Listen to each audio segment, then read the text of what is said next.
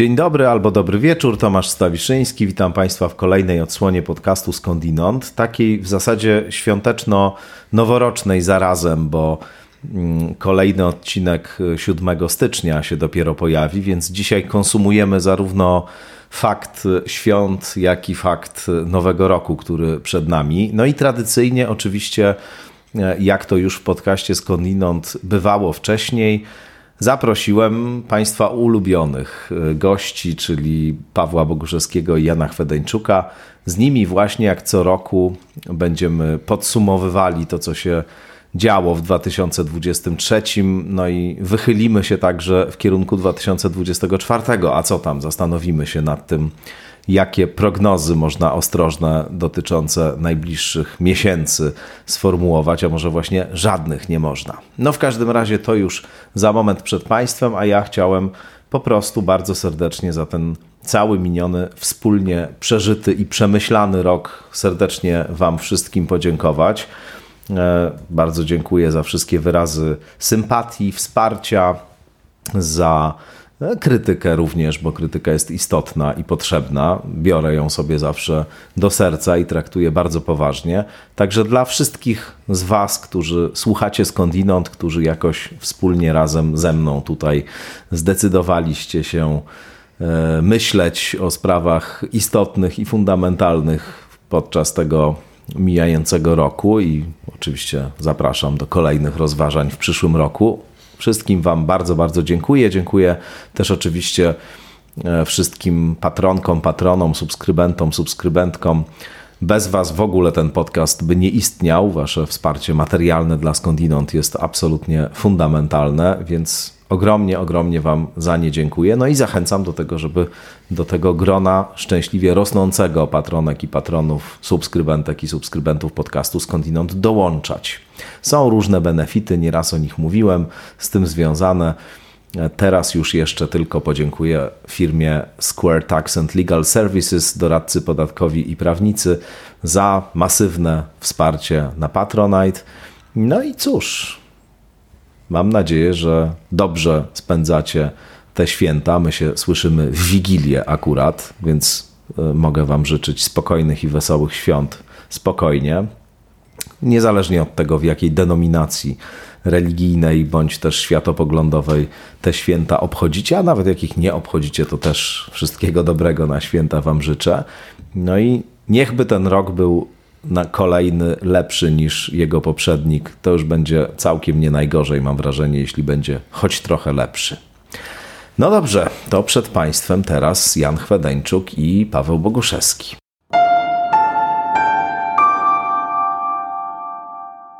Dzień dobry. Dobry wieczór.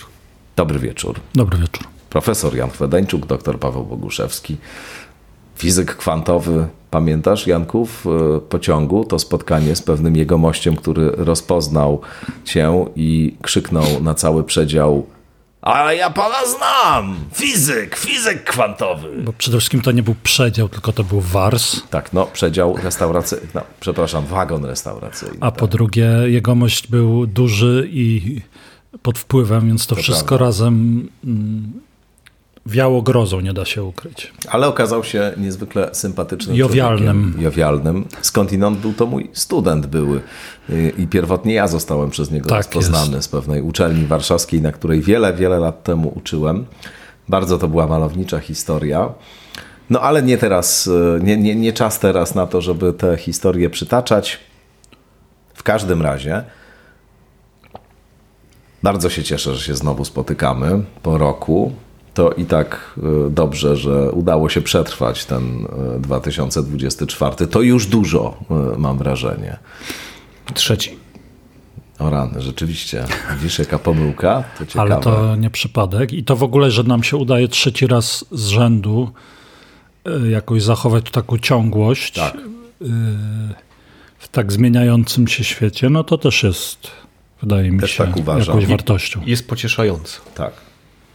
To są istotne sprawy, te trwałe więzi, po pierwsze, a po drugie, właśnie pewna powtarzalność, regularność, by nie powiedzieć rytualność. Mhm. Ja sobie bardzo cenię. Im tak. jestem starszy, tym bardziej chyba właśnie takie stałe struktury, powtarzalne, trwałe.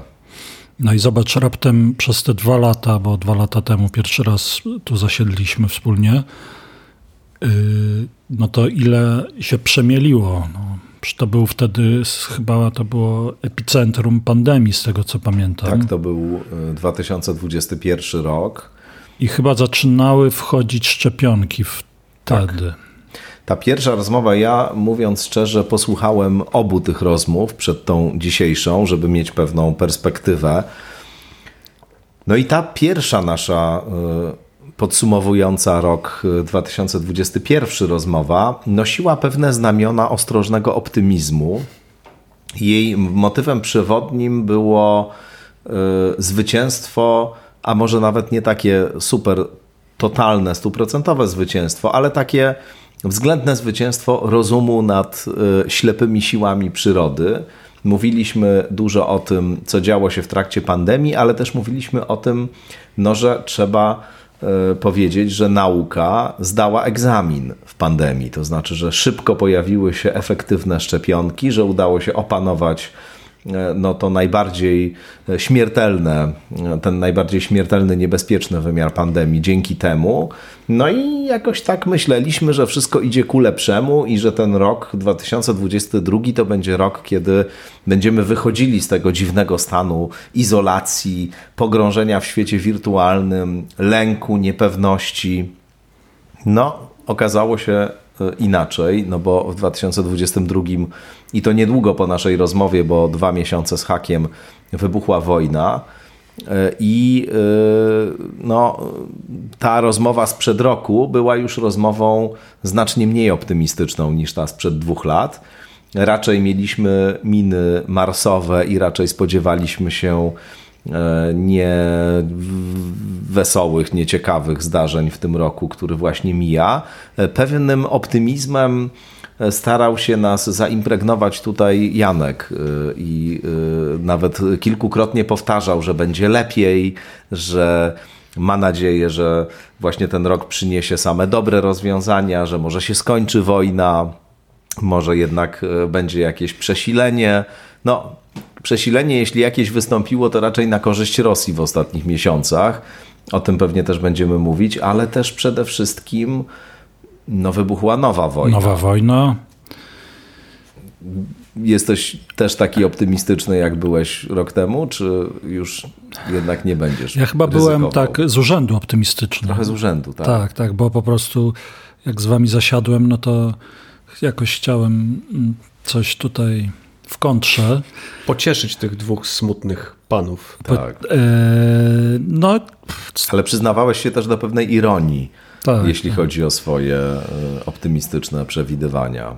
No, tak sobie myślałem parę dni temu, właśnie jakoś tak zbierając myśli przed naszym tu spotkaniem, że wziąwszy pod uwagę, ile jest ludzi na świecie i jak wiele jest połączeń, e, i bardzo szybkich i, i skutecznych, to w sumie chyba jest w miarę spokojnie. No, tak jak by to patrzeć na to na tle wieków, to i, i wziąć pod uwagę, jakie mamy technologiczne możliwości się rzezania, to, mm, to można powiedzieć, że jest no tak w miarę spokojnie. Oczywiście to nie chcę deprecjonować tych cierpień i w e, strefie gazy, i w Izraelu, i, i w Ukrainie, ale wydaje mi się, że to mm, wziąć pod uwagę, jakim jesteśmy agresywnym gatunkiem i jeszcze takim mało okiełznanym, no to, yy,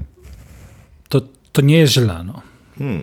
Czyli jednak to, idziesz w ten optymizm. To, to dobrze, że Janek idzie w ten optymizm, bo, bo ja pozostanę przy moim sceptycznym pesymizmie. Raczej tutaj widzimy że coś się dzieje w różnych kierunkach. Tak? No, teoretycznie teraz u nas troszeczkę jest lepiej i znaczy z naszego punktu widzenia, bo dla, część, dla dużej części społeczeństwa jest gorzej. Yy, ale jednak yy, no, te konflikty, które powstały, które cały czas yy, się toczą, one pokazują według mnie dosyć taki niedobry trend. To znaczy, tutaj, jeżeli miałbym powiedzieć, czy jestem bardziej optymistyczny, czy pesymistyczny co do można powiedzieć, takich ogólnych rozwojów e, historii naszego świata, to obawiam się, że raczej mam bardziej pesymistyczne podejście, ponieważ wydaje mi się, że to, co tak naprawdę rozpoczęło się od tej wojny pełnoskalowej na Ukrainie, no to to, co się dzieje teraz właśnie w Izrael-Palestyna, to jest niestety pewnego rodzaju coś połączonego, coś, co wynikło z pewnych zamysłów geopolitycznych i być może nie jest ostatnim krokiem, który tam się będzie działo. Co powoduje, że człowiek myśli raczej, że są pewne siły, które po prostu no, nie chcą zbytnio wygasić tego wszystkiego i żeby zapanował pokój. Mm. Ale jakie siły? No polityczne. Ale ty... Y znaczy nie, nie żadne jakieś ukryte siły, nie, tylko nie, po prostu ja politycy Może w konkretnych krajach. No, no tak, no. Myślę, że na przykład w Izraelu y, Netanyahu w jakimś stopniu jest beneficjentem tego konfliktu, bo, bo, bo pewne procesy polityczne to zamroziło w samym kraju. Tak, tak. No też y, w wielu różnych analizach dotyczących genezy 7 y, października podkreśla się i robią to przecież także izraelscy analitycy, tyle że nie przychylni gabinetowi Netanyahu, raczej z tej flanki lewicowej, a nie z tej e, prawicowej czy radykalnie prawicowej, no bo w Izraelu taka twarda prawica rządzi przecież, wskazują na to, że e, co jest jednym z licznych paradoksów i takich trudności e, związanych z oceną, opisem tej sytuacji, no że mamy tu do czynienia z wieloletnim, e, w cudzysłowie, graniem na wzmacnianie Hamasu ze strony właśnie Netanyahu i jego ludzi, ale e, motywowanym e, ściśle politycznie, własnym interesem politycznym, specyficznie pojmowanym oczywiście, no bo chodzi o to, żeby właśnie nie doprowadzić do kompromisu, do rozwiązania dwupaństwowego, do jakiegoś satysfakcjonującego, powiedzmy, dla obu stron e, rozwiązania tej sytuacji, tylko chodzi o to, żeby eskalować ten konflikt, mieć oczywiście e, w związku z tym uzasadnienie dla jakichś e, wojskowych działań i dla też pewnej mobilizacji wewnętrznej. No i Niestety wymknęło się to wszystko mocno spod kontroli. Prze, przeszarżował trochę, wydaje się, z tym wspieraniem Hamasu. E, no i, i Hamas pokazał, na co go stać, niestety. I teraz rzeczywiście to wszystko już zabrnęło w jakąś taką fazę e, bardzo ciemną i splątaną. No tak, i to stopień zniszczenia gazy jest e, no niebywały. To trochę przypomina jakieś zdjęcia z Warszawy po powstaniu warszawskim, tym mam na myśli to drugie, czyli z 1944 roku. No i to, tak, no ale Hamas też, wiesz, no, Hamas rzekomy reprezentant sprawy palestyńskiej też e, w interesie tak skrajnej organizacji nie jest to, żeby Palestyńczycy jeździli do Izraela pracować, Ale tylko, oczywiście. tylko żeby grzać konflikt. Ale oczywiście, no to przecież jest organizacja terrorystyczna z e, władzami, e, które są zupełnie gdzieś indziej e, która... Elegancko ubrani panowie, oczywiście, świetnie oczywiście, zadbani. Oczywiście. No a y, to też jest organizacja, która tam y, trzyma tych ludzi jako zakładników i żywe tarcze. No i też jest odpowiedzialna za liczbę ofiar. Powiedzmy to sobie otwarcie, że, że owszem, nie sposób pochwalać y, tego, co robi Izrael tam i w ogóle tego wspierać, no bo to jest rzeczywiście na przerażającą skalę masakra cywilów Natomiast za śmierć tych cywilów odpowiada Hamas też, no, w przeważającej mierze nawet. Ale tak jak mówisz, to jest niestety proces wieloletni. Dopiero teraz, y, dopiero przy tej eskalacji ludzie zwracają na to uwagę.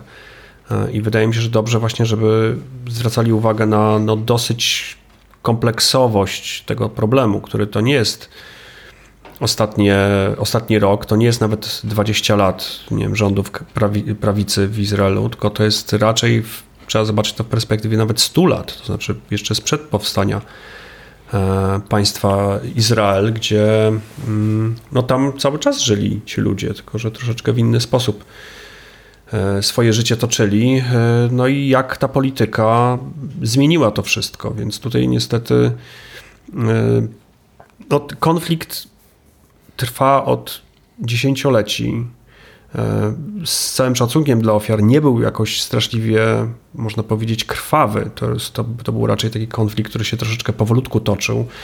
E, natomiast no, był dosyć znany medialnie. W międzyczasie były konflikty, które były no, na dużo większą skalę, nawet nie tak dawno, nie wiem, chociażby w Etiopii, w Tigraju, e, gdzie rzeczywiście skala była dużo, dużo większa. Natomiast jednak no chyba on zaszedł w taki już taką fazę, gdzie z konfliktu narodowościowego przyszedł w konflikt religijny. I tutaj to wszyscy specjaliści podkreślają, że to jest bardzo niedobra zmiana, ponieważ kiedy mamy pewnego rodzaju konflikt narodowościowy, konflikt o zasoby, o ziemię, to tam jest pole do negocjacji. W momencie, gdy przesuwamy ten konflikt i on został przesunięty celowo. I obawiam się, że z obydwu stron, właśnie w kierunku pewnego konfliktu religijnego, na przypadku podejść religijnych raczej nie negocjujesz żadnych kompromisów. Tam już jedyne do czego dążysz to jest pewnego rodzaju eksterminacja. Obawiam się, że to właśnie to, to widzimy. Tak, no moglibyśmy oczywiście tutaj długo y, pewnie analizować tą historię y, konfliktu izraelsko-palestyńskiego, historię powstania państwa Izrael y, i bardzo różne tutaj stanowiska się pojawiają. Jest e, grupa także antysyjonistycznych Żydów, którzy uważają, także bardzo religijnych, że w ogóle nie powinno państwo Izrael istnieć. E, I też e, oczywiście od samego początku istnienie tego państwa nie było uznawane przez kraje sąsiednie i na różne sposoby dawano temu wyraz i jest to państwo, które w zasadzie od samego początku jest w stanie wojny takiej czy innej. Bywały różne pokoje, różne oczywiście negocjacje i tak dalej, ale e, no, to jest rzeczywiście zawikłana historia i też taka pełna e, paradoksów. W każdym razie też warto pamiętać, bo często się podnosi ten argument o e, kolonialnym charakterze państwa Izrael i się stosuje tą kolonialną perspektywę czy postkolonialną do rozumienia tego, no, że ogromna część mieszkańców Izraela to są Żydzi, którzy w ogóle nigdy z Europy nie przyjechali, tylko byli mieszkańcami e, krajów sąsiednich, zostali wypędzeni z tych krajów, to milion chyba mniej więcej e, osób w momencie, kiedy e, wybuchła wojna w 1948 roku. No i to też jest część tej historii, a też no, przypływali tam E, przecież i uciekali e, do Izraela ludzie, którzy, którzy byli e, no, doświadczali wcześniej prześladowań masywnych. Jest to państwo właściwie, które powstało z powodu tego, że Holokaust w Europie został, został przeprowadzony i to, to, to są wszystko rzeczywiście tak powikłane, tak tragiczne rzeczy, że Wydaje mi się, że taka potrzeba, nie wiem co o tym myślicie, ale taka potrzeba jednoznaczności jest wysoce nieusatysfakcjonowana w nas. To znaczy, chcielibyśmy, żeby to właśnie było takie wszystko tak. bardzo proste i niektórzy to tak do bardzo prostych spraw redukują, a tu się moim zdaniem nie da tak. Nie, nie. I to właśnie to jest bardzo znacząca różnica między tym konfliktem a konfliktem y, w Ukrainie. Mm. Znaczy, że tam. Tak no, ciężko, ciężko być nie po stronie Ukrainy. No. Chyba, że jest się po prostu po stronie rosyjskiej z jakiegoś powodów narodowościowych czy jakichś. A mm, no tutaj jak, zawsze jak słyszę opinie mm, takie jednoznaczne, no to wiesz, to to po prostu pachnia na odległość jakąś albo niewiedzą, albo złowolą, bo to tak jak powiedziałeś, to jest tak splątane zagadnienie, że tu nie ma. Nie sposób stworzyć jednoznaczną opinię i taką, która jest właśnie y, w sposób taki czysty, pełny, może się po jednej stronie opowiedzieć. Hmm. No dokładnie tak. To jest właśnie przyczyna tego, że wielu osób po prostu jak gdyby wręcz wstrzymuje wypowiadanie swoich opinii i jedynie stwierdza, że to jest że to skomplikowane, no bo to jest dokładnie, jeżeli można powiedzieć, jeden z bardziej skomplikowanych konfliktów współczesnych, to, no to właśnie to jest ten.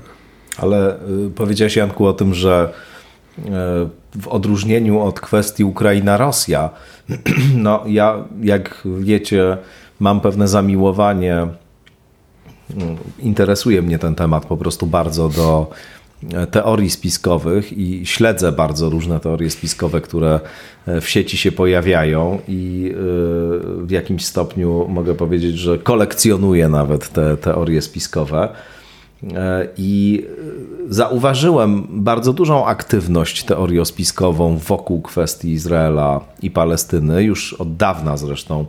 Izrael oczywiście jest jednym z takich głównych bohaterów różnych narracji spiskowych. Wokół wojny w Ukrainie też była od początku teoria spiskowa, że za jej wywołaniem stoi Izrael, no Stany Zjednoczone oczywiście też, no bo to wiadomo jaki alians jest pomiędzy tymi państwami. A chodzi o to właśnie, że e, Izrael szykuje się do przeprowadzki na tereny Ukrainy, to znaczy e, ponieważ tam sytuacja już się staje nie do życia, e, najkrócej rzecz ujmując, to powstał plan, żeby się mogli przenieść Izraelczycy na teren, teren dawnej Hazarii.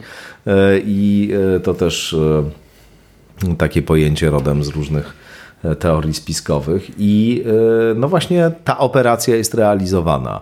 To mnie między, między innymi Grzegorz Braun, e, niesławny, który biegał z gaśnicą po Sejmie niedawno, obserwowaliśmy to. Takie teorie spiskowe propagował już od bardzo dawna, hmm. że taki plan właśnie zastąpienia Ukrainy Izraelem istnieje. Ale jak to zazwyczaj z tymi teoriami spiskowymi, gdzieś tam u ich zarania jest jakiś element y, racjonalności.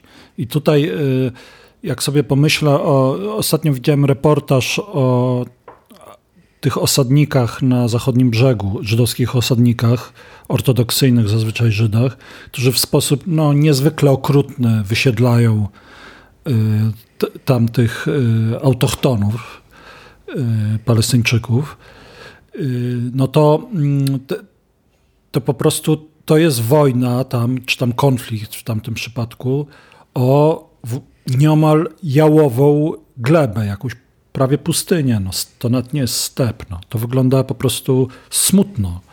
I jak sobie, wiesz, chodzi mi o to, że, że można snuć taką teorię o przeprowadzce Żydów do, y, do Ukrainy, bo po prostu jak, jak skontrastujesz te żyzne czarnoziemy z tą no tak, y, z tym piaskiem, no to to, to, to ma jakiś y, wiesz jakiś, czysty zysk. Tak, tak. No to się ciekawych rzeczy dowiedziałem. Ale to nie koniec. Ojej. To nie koniec, dlatego że y, chciałem powiedzieć o czymś y, poważniejszym jeszcze mhm. w kontekście tych teorii spiskowych w kwestii Izrael-Palestyna i też Ukraina. Dlatego, że to jest e, taki folklor, trochę ta historia z, tym, z tą przeprowadzką Izraela. Ale na przykład istnieją bardzo poważne i mm, wydawałoby się, jak to często bywa w takich przypadkach, udokumentowane teorie spiskowe, propagowane na przykład przez niektóre portale czy ośrodki medialne prezentujące się jako niezależne, jako dające obraz spoza właśnie mainstreamowych mediów, które kłamią i są tubami propagandowymi tylko.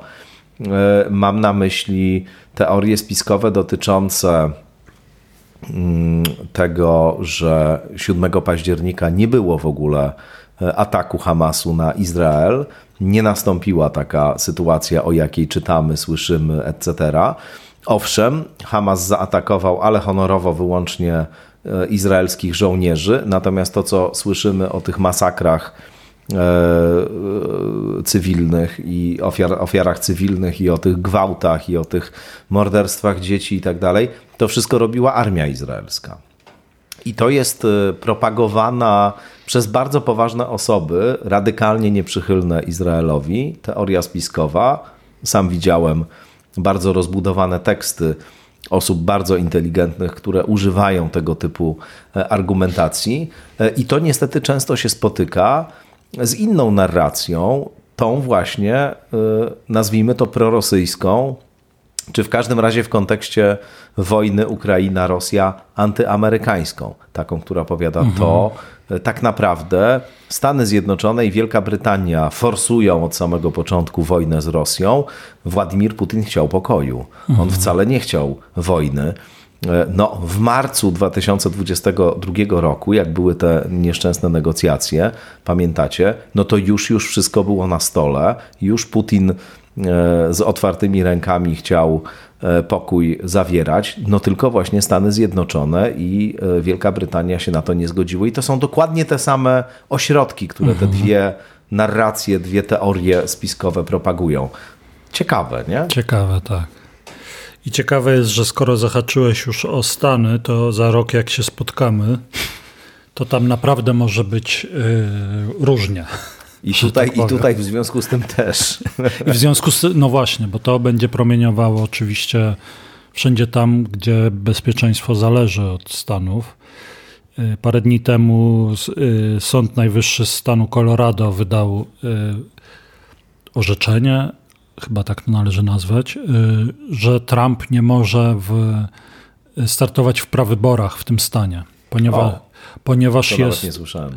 Y, ponieważ jest jedna z poprawek do Konstytucji Amerykańskiej, mówi, że osoby, które, tam jest chyba sformułowanie takie, że urzędnicy państwowi, którzy brali udział w, w puczu, nie mogą pełnić funkcji właśnie tych funkcji okay. państwowych i są tam wymienione jakieś różne stanowiska, których nie można.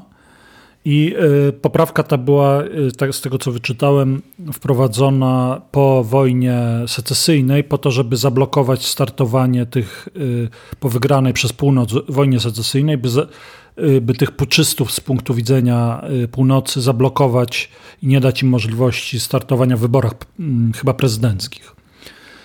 E, no i teraz y, liczne sądy stanowe y, y, właśnie były zapytywane o to, czy Donald Trump może startować w wyborach, czy nie. I zazwyczaj odpowiadały, że ponieważ w tej poprawce nie jest bezpośrednio powiedziane, że dotyczy to również prezydenta, no to zakładamy, że nie dotyczy.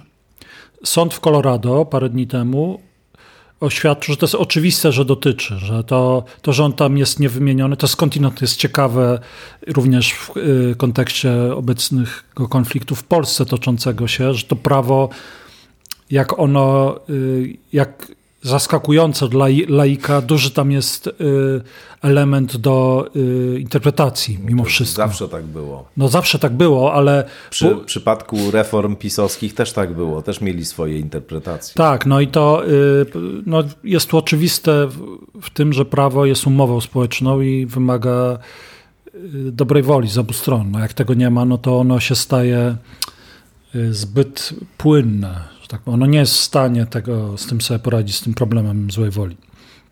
W każdym razie sąd w Colorado tak orzekł. No i teraz ta sprawa idzie do Sądu Najwyższego. Czyli innymi słowy, Trump zaskarża tę decyzję, bo gdyby ona się utrzymała, to nie wiem, czy on mógłby w ogóle startować.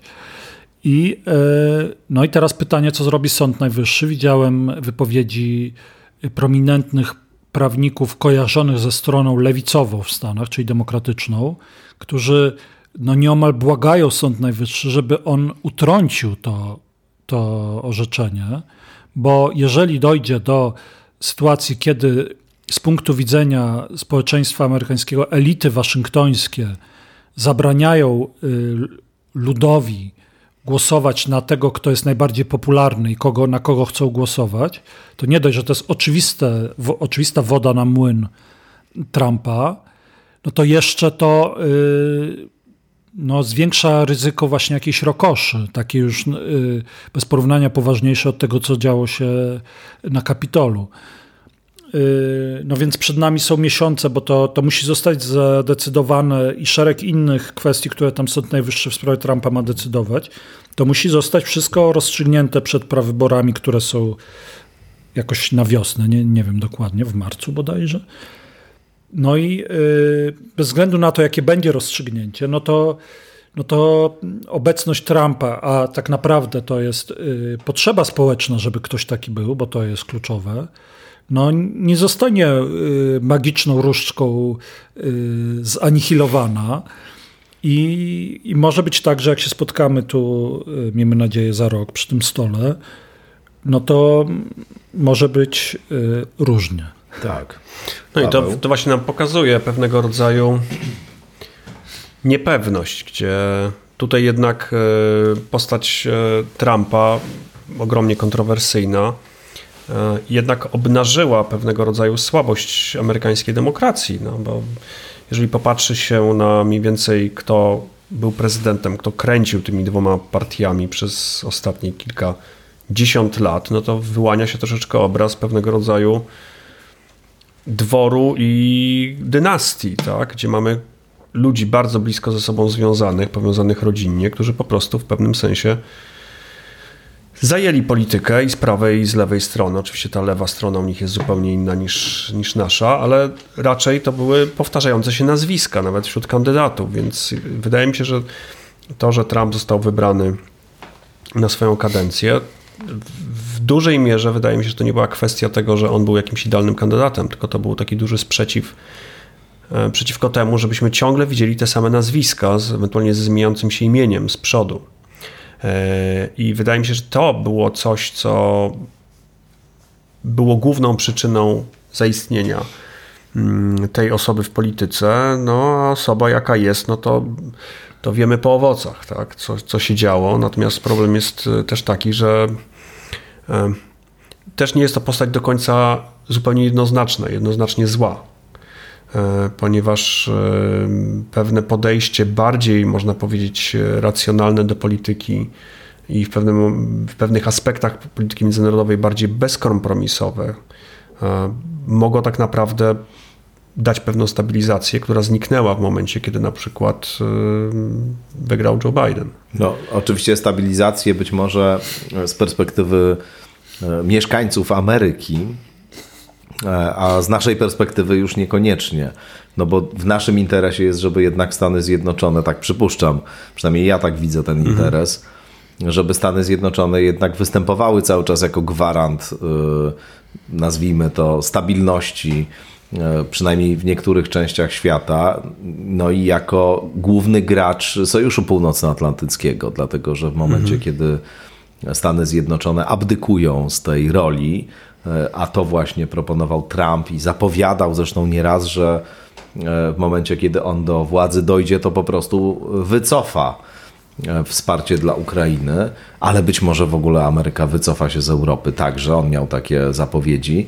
No to w zasadzie my tu zostajemy Mm, tak trochę y, jako bufor pomiędzy Unią Europejską, y, znaczy my jesteśmy w Unii Europejskiej szczęśliwie, natomiast, natomiast Rosja tuż obok, a z kolei i Biden i szef polskiego BBN-u mówią, zapewne mając, jak przypuszczam, dostęp do dobrych danych wywiadowczych, że my mamy tak naprawdę trzy lata na to, żeby się przygotować na wojnę z Rosją i że jeśli oni się nie, nie, nie, jeśli Ukraina upadnie, jeśli oni zdominują Ukrainę, zrealizują swoje cele, no to, no to Polska jest prawdopodobnie następna w kolejce.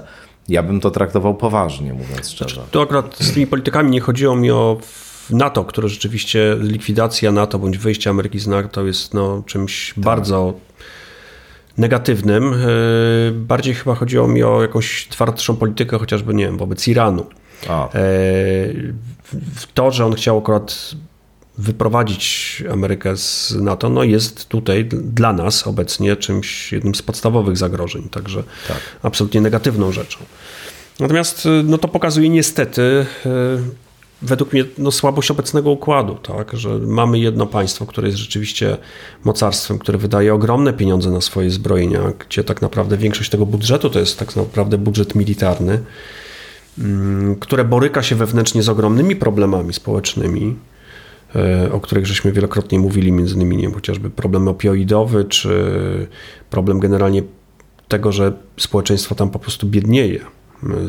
Coraz gorszy dostęp do, do opieki zdrowotnej. To jest jedyny kraj e, wysoko rozwinięty, gdzie zaobserwowano spadek długości, przewidywanego długości życia. Coś, co jest wyznacznikiem dobrobytu w danym kraju. Mm, no i że niestety bezpieczeństwo tutaj u nas w Europie opiera się dokładnie na, na tego typu fundamencie. No, fajnie by było, gdybyśmy nie musieli się opierać, no ale To jest niestety fundament, który się okazuje nie jest pewny z prostej przyczyny. No, jest to pewnego rodzaju, jest to, jest to kraj demokratyczny, więc demokracja niestety zakłada, że ta zmiana władzy następuje co jakiś czas i dobrze, natomiast niestety zmiana władzy może pociągnąć zmianę długofalowych celów danego państwa.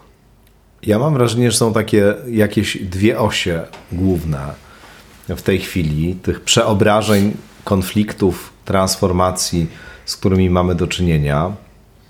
Jedna to jest ta, która coraz częściej pojawia się w retoryce rosyjskiej. Zwróćcie uwagę, że w momencie, kiedy wojna wybuchła, to taką dominującą narracją rosyjską to była narracja o denazyfikacji Ukrainy, o jakimś właśnie nazistowskim reżimie, który tam zapanował, skrajnie nacjonalistycznym, niechętnym społeczności identyfikującej się z kulturą rosyjską. No i właśnie po to, żeby tą społeczność rosyjskojęzyczną i kulturowo identyfikującą się z Rosją ratować, no to specjalna operacja wojskowa, e, czytaj denazyfikacja Ukrainy ma nastąpić i demilitaryzacja. E, później już e, mowa była o desatanizacji, to znaczy był ogniwo pośrednie pomiędzy tą narracją, która jest teraz, a tą pierwotną. To była narracja przez kilka miesięcy jakoś pro, promowana o desatanizacji, o satanistycznym Zachodzie i satanistycznej Ukrainie i Rosji jako ostatniej flance chrześcijaństwa e, w tym świecie, przygotowującej się właściwie do apokaliptycznego boju sił światła i sił ciemności, przy czym Rosja oczywiście reprezentuje siły światła, a cała reszta to ciemność. Piękne. Piękne. I teraz jest, e, e, powiedziałbym, trzecia faza tej narracji rosyjskiej to jest opowieść o wielobiegunowym świecie, o tym, że ten porządek bipolarny się kończy, że właśnie taki porządek, w którym mamy e, te Stany Zjednoczone jako hegemona i Zachód w ogóle jako hegemona, który chce wszystko kontrolować, to jest już passe. I teraz będziemy mieli właśnie wielobiegunowy świat, i Rosja jest w awangardzie tej zmiany i właśnie na nią gra, mając oczywiście E, swoje alianse, a to Iran, a to Indie, e, a to Chiny i tak dalej, i tak dalej.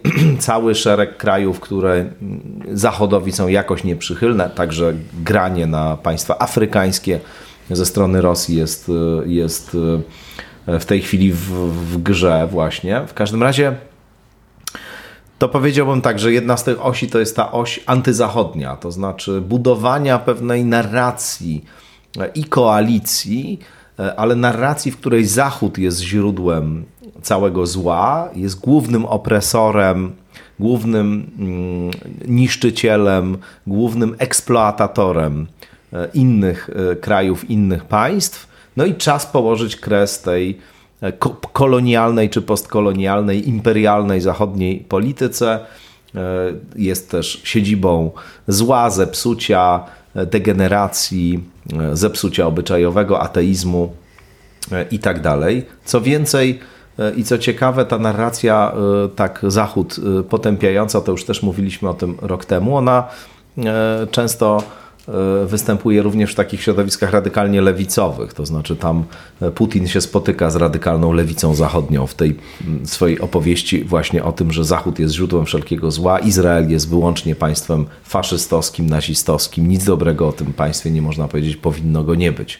To jest rzeczywiście ta narracja. A druga oś, powiedziałbym, to jest to napięcie pomiędzy taką liberalno-globalistyczno- E, taką kosmopolityczną wizją funkcjonowania e, społeczeństw zachodnich i tradycjonalistyczną, przywiązaną do e, kwestii ziemi, tożsamości narodowej, historii, tradycji. Wydaje mi się, że to są takie dwa bieguny dzisiaj w świecie E, czy takie dwie osie organizujące w ogóle te wszystkie polityczne spory, perturbacje, przemodelowywania i tak dalej. Zgoda. Pytanie, czy, czy te konflikty, bo te konflikty to pewnie Zawsze były. No, mm. choćby te, te opowieści o tej wszechrusi, która musi ratować chrześcijaństwo, no to przecież jak się czyta Dostojewskiego, Oczywiście. no to to jest chwilami aż po prostu ciężko w każdym razie mi sobie z, y, przez to brnąć. Ostatnio czytałem Idiotę i tam są takie peany na cześć Wielkiej Rosji, które no ciężko jest przetrawić. W każdym razie mm, pytanie jest, czy to te konflikty będące od dawna i między, tak powiedzmy w skrócie, postępowcami i konserwatystami i między wschodem i zachodem, czy one, czy one eskalują? Mhm. I, yy, no chyba eskalują. No ale ja też bym tak powiedział, ale tak naprawdę to, to jakie mamy tego przesłanki? Oprócz, no jest wojna w Ukrainie, to... Mm... Wojna w Ukrainie, wojna na Bliskim Wschodzie, kryzys demokracji, jednak populiści wybierani tu i tam, teorie spiskowe, pseudonauka. Znaczy, no wydaje mi się dokładnie, że ten konflikt, o którym ty powiedziałeś, czyli tradycja versus postęp, to jest taki konflikt, który jest absolutnie przekrojowym w każdym społeczeństwie, w każdym. I moim zdaniem jest to pewnego rodzaju rys y, gatunku. To znaczy, nasza różnorodność, tutaj zawsze wracam do pewnych praw y, ewolucyjnych, y, nasza różnorodność jest siłą.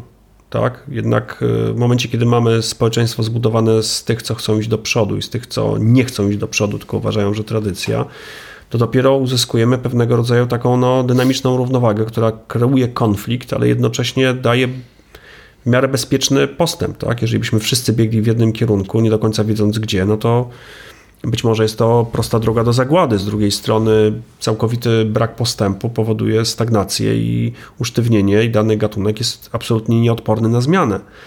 Natomiast y, być może, i na to wskazują bardzo liczne badania, chociażby nie wiem, Prawy umysł Jonathana Haidta jest bardzo ciekawą książką, który, mm, który pokazuje, że właśnie taki postęp, y, znaczy taki podział właśnie na, y, można powiedzieć w cudzysłowie lewicę y, postępową, która domaga się pewnych zmian społecznych i tradycjonalistów, w zależności od tego, jaka to jest tradycja, no bo to też jest co innego jest tradycjonalista, nie wiem, z Polski, a co innego jest z Iranu, czy, czy, czy z jakiegoś, czy z Chin. Lewica lewicy też nierówna. Dokładnie, nie? więc tutaj, ale jednak pewnego rodzaju taki rys jest według mnie charakterystyczny i widać go tak naprawdę w każdym i to w każdym społeczeństwie. Jeżeli popatrzymy sobie na, no nie wiem, filmy z różnych zakątków świata, niekoniecznie ze świata zachodniego, to one bardzo często właśnie e, oscylują wokół tego typu rodzaju konfliktów, tak?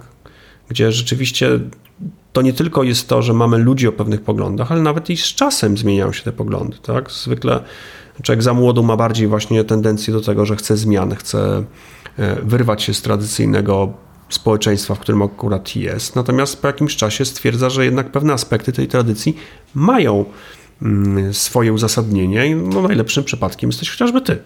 O! Dlaczego? No, to się zapytaj Tomka. Nie, to musisz ty wytłumaczyć. No nie, no sam powiedziałeś, że zaczynasz doceniać pewnego rodzaju tak. rytualność, zaczynasz doceniać pewnego rodzaju powtarzalność pewnych, mm, pewnych schematów e, i dostrzegać pewnego rodzaju pewne niebezpieczeństwo w zbyt dużej labilności, gdzie, e, gdzie nie do końca wiemy, gdzie chcemy biec, ale chcemy biec.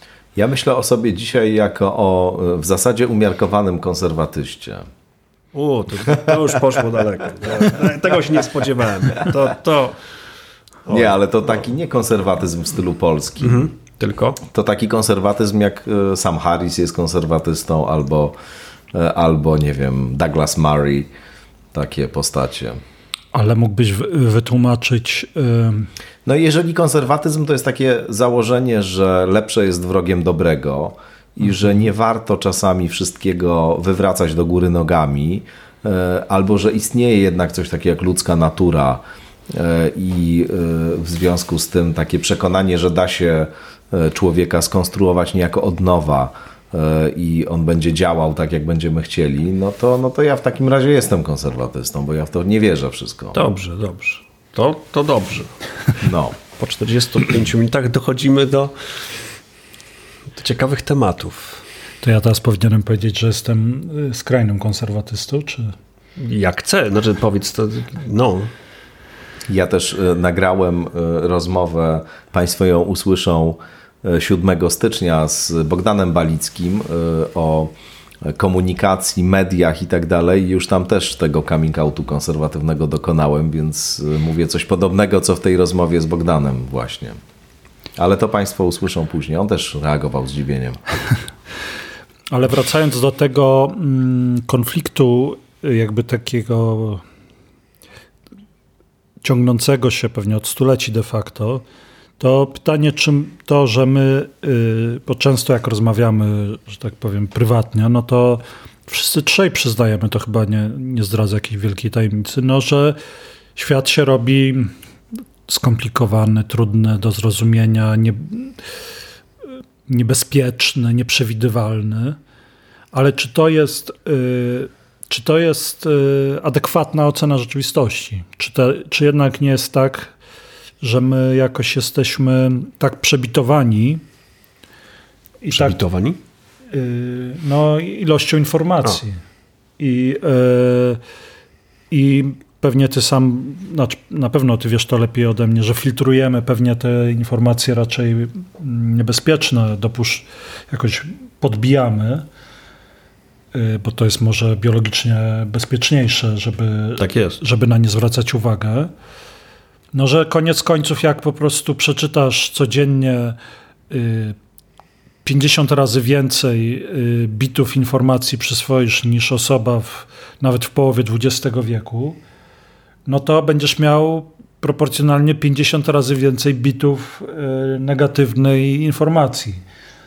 E, I no i czy to po prostu nie jest kwestia, czy, no bo tu przywołałeś na te konflikty obecnie gorejące, no ale ja wcale ich nie umniejszam, ich wagi, tylko no jak się popatrzy na ostatnie dziesięciolecia, no to, to były takie konflikty, no były i wojna w Afganistanie, w Iraku, był e, Afganistan radziecki, e, Wietnam, Korea. No i. E, Ale nie masz takiego wrażenia, że różnica była taka, że wtedy plus minus jednak wiadomo było o co chodzi. To znaczy, że była dość klarowna wizja tego, dlaczego to robimy, po co to robimy, nawet jeżeli różni ludzie się z tym nie zgadzali, jeżeli z dzisiejszej perspektywy widzimy, że tam było mnóstwo jakiegoś bezwładu i bez sensu. Jak się dziś czyta czy ogląda e, różne materiały dotyczące tego, jak właśnie wojna w Wietnamie przebiegała, no to tam było mnóstwo różnych błędnych decyzji, jakichś, e, jakichś e, działań, które właściwie były nieuzasadnione i tak dalej. Natomiast jednak jakaś taka bazowa struktura społeczna, jakiś system wartości w miarę klarowny występował. Dzisiaj już trochę tego nie ma właśnie. Dzisiaj tak trochę nie wiadomo właściwie e, co, jak, gdzie. Każdy ma swoje nie tylko e, interpretacje rzeczywistości, ale każdy ma w ogóle swoją rzeczywistość dzisiaj. No i, i to jest, znaczy tak, ja się staram tym zjawiskom przyglądać, ale nie oceniać, bo nie wiem, czy one są dobre, czy złe. No bo z jednej strony mamy i wydaje mi się, że to, co rzeczywiście tu największą zmianę wprowadziło w naszych społeczeństwach, to jest internet. Szeroko rozumiany, tak jako dostęp do, do informacji, e, możliwość produkowania informacji niedro, niedrogim kosztem, możliwość przebicia się do dużej ilości odbiorców, e, e, błyskawicznej przekazywania informacji. Tak? Wydaje mi się, że jednak my cały czas jeszcze nie, nie do końca doceniamy tą rewolucję, która nastąpiła. I to jest rzeczywiście ostatnie 20 lat, gdzie teraz no, praktycznie większość rzeczy, a w pandemii, jak się okazało, możemy praktycznie całe nasze życie przez, przez sieć przepuścić. E, no i jednym z aspektów ubocznych jest właśnie to, że nagle się okazało, że już nie mamy tych głównych dawców informacji, którzy dają nam A informacje, B opinie, niestety od razu, czyli co mamy myśleć o danej informacji, jeżeli ona oczywiście jest prawdziwa, tylko mamy bardzo wiele różnych źródeł. No i ja nie wiem, czy to jest źle, czy to jest dobrze. Znaczy, z jednej strony uważam, że to jest dobrze, ponieważ demokratyzujemy ten proces. Możemy dać głos ludziom, którzy wcześniej tego głosu nie mieli. Natomiast niestety jednocześnie no tutaj dokładnie powstają nagle teorie spiskowe, powstają fake newsy, powstają specjalnie zaprojektowane kanały informacyjne tak, że, że sprzedają informacje doskonale. Mają fantastyczny warsztat, natomiast rzeczywiście ich celem nie jest informacja, tylko ich celem jest wpływanie na zachowania i w jakiś sposób manipulacja społeczeństwem. No, e, jeśli Więc... można tylko króciutko, tak. polemicznie, y, mam wrażenie, że operujesz tutaj takim jakby wyobrażeniem internetu z jego początków, że on właśnie będzie taką sferą, wiesz, wolności mhm. słowa, gdzie będziemy się wzbogacać wzajemnie, będzie różnorodność, będą właśnie różne głosy wcześniej niewysłuchane i tak dalej. Mhm. Natomiast, że rzeczywista postać tej uwolnionej całkowicie od y, kontroli merytorycznej, nazwijmy to, sfery informacyjnej, wygląda tak jak dzisiaj portal X, albo wcześniej 4chan na przykład, czyli mhm. to przestrzeń, gdzie QAnon się rozwijał, te, ta teoria spiskowa, że nagle masz taki po prostu E, jeden wielki, buzujący ocean, w którym jest mnóstwo jakichś naprawdę zupełnie dziwacznych, e, fałszywych teorii, e, narracji i tak dalej. Przy czym one częściowo są właśnie tam wpuszczane bardzo świadomie. I ludzie kompletnie tracą orientację w związku no Może tak wygląda umysł ludzki, kiedy się go odkryje. No, I zrzuci pewne no. maski. Ale Może tak wygląda prawdziwa pa... umysł ludzkości. Paweł, ale od tego mamy kulturę, żeby jakoś formować ten umysł właśnie, żeby go trenować, żeby mu nadawać jakąś strukturę. Jak to puścisz wszystko, no to możemy napieprzać się maczugami w takim razie i na golasa biegać równie dobrze. No. I czy byłoby to takie złe? A, to wyszło teraz, co naprawdę doktor Bogusz. To jest ekstremalny konserwatyzm. to już jest, tak. Maczuga i bieganie I na, golasa. No. Mój konserwatyzm to jest konserwatyzm to jest oświeceniowy. Ja jestem za tym, żeby była de liberalna demokracja, ale żeby się sfera publiczna na zasadach racjonalności e, opierała, żeby była gwarantowana wolność słowa, wolność sumienia, E, wolność światopoglądu, no taki mój konserwatyzm jest, wiesz, nauka jako jednak e, podstawa kształtowania sfery publicznej, a proszę, a twój? Twój to na golasa maczuga. I... Paweł po prostu chce inny etap ludzkości konserwować, nie ten co to. Tak jest. Całkowity konserwatyzm. No. Jeszcze zjeść dinozaura. Dokładnie. Y no nie, ale znaczy, tak, tak, znaczy wracając do, do tematu, to trochę tak, ale znaczy to się cały czas nie zmieniło, bo jednak e, pomyślmy sobie, jak 30 lat temu mieli, mogliśmy na przykład skomunikować się z kimś, nie wiem, na, na drugiej półkuli. No nie mieliśmy specjalnie takiej możliwości. Teraz taką możliwość mamy i zgadzam się z tobą, że to poszło w dosyć e, złym kierunku.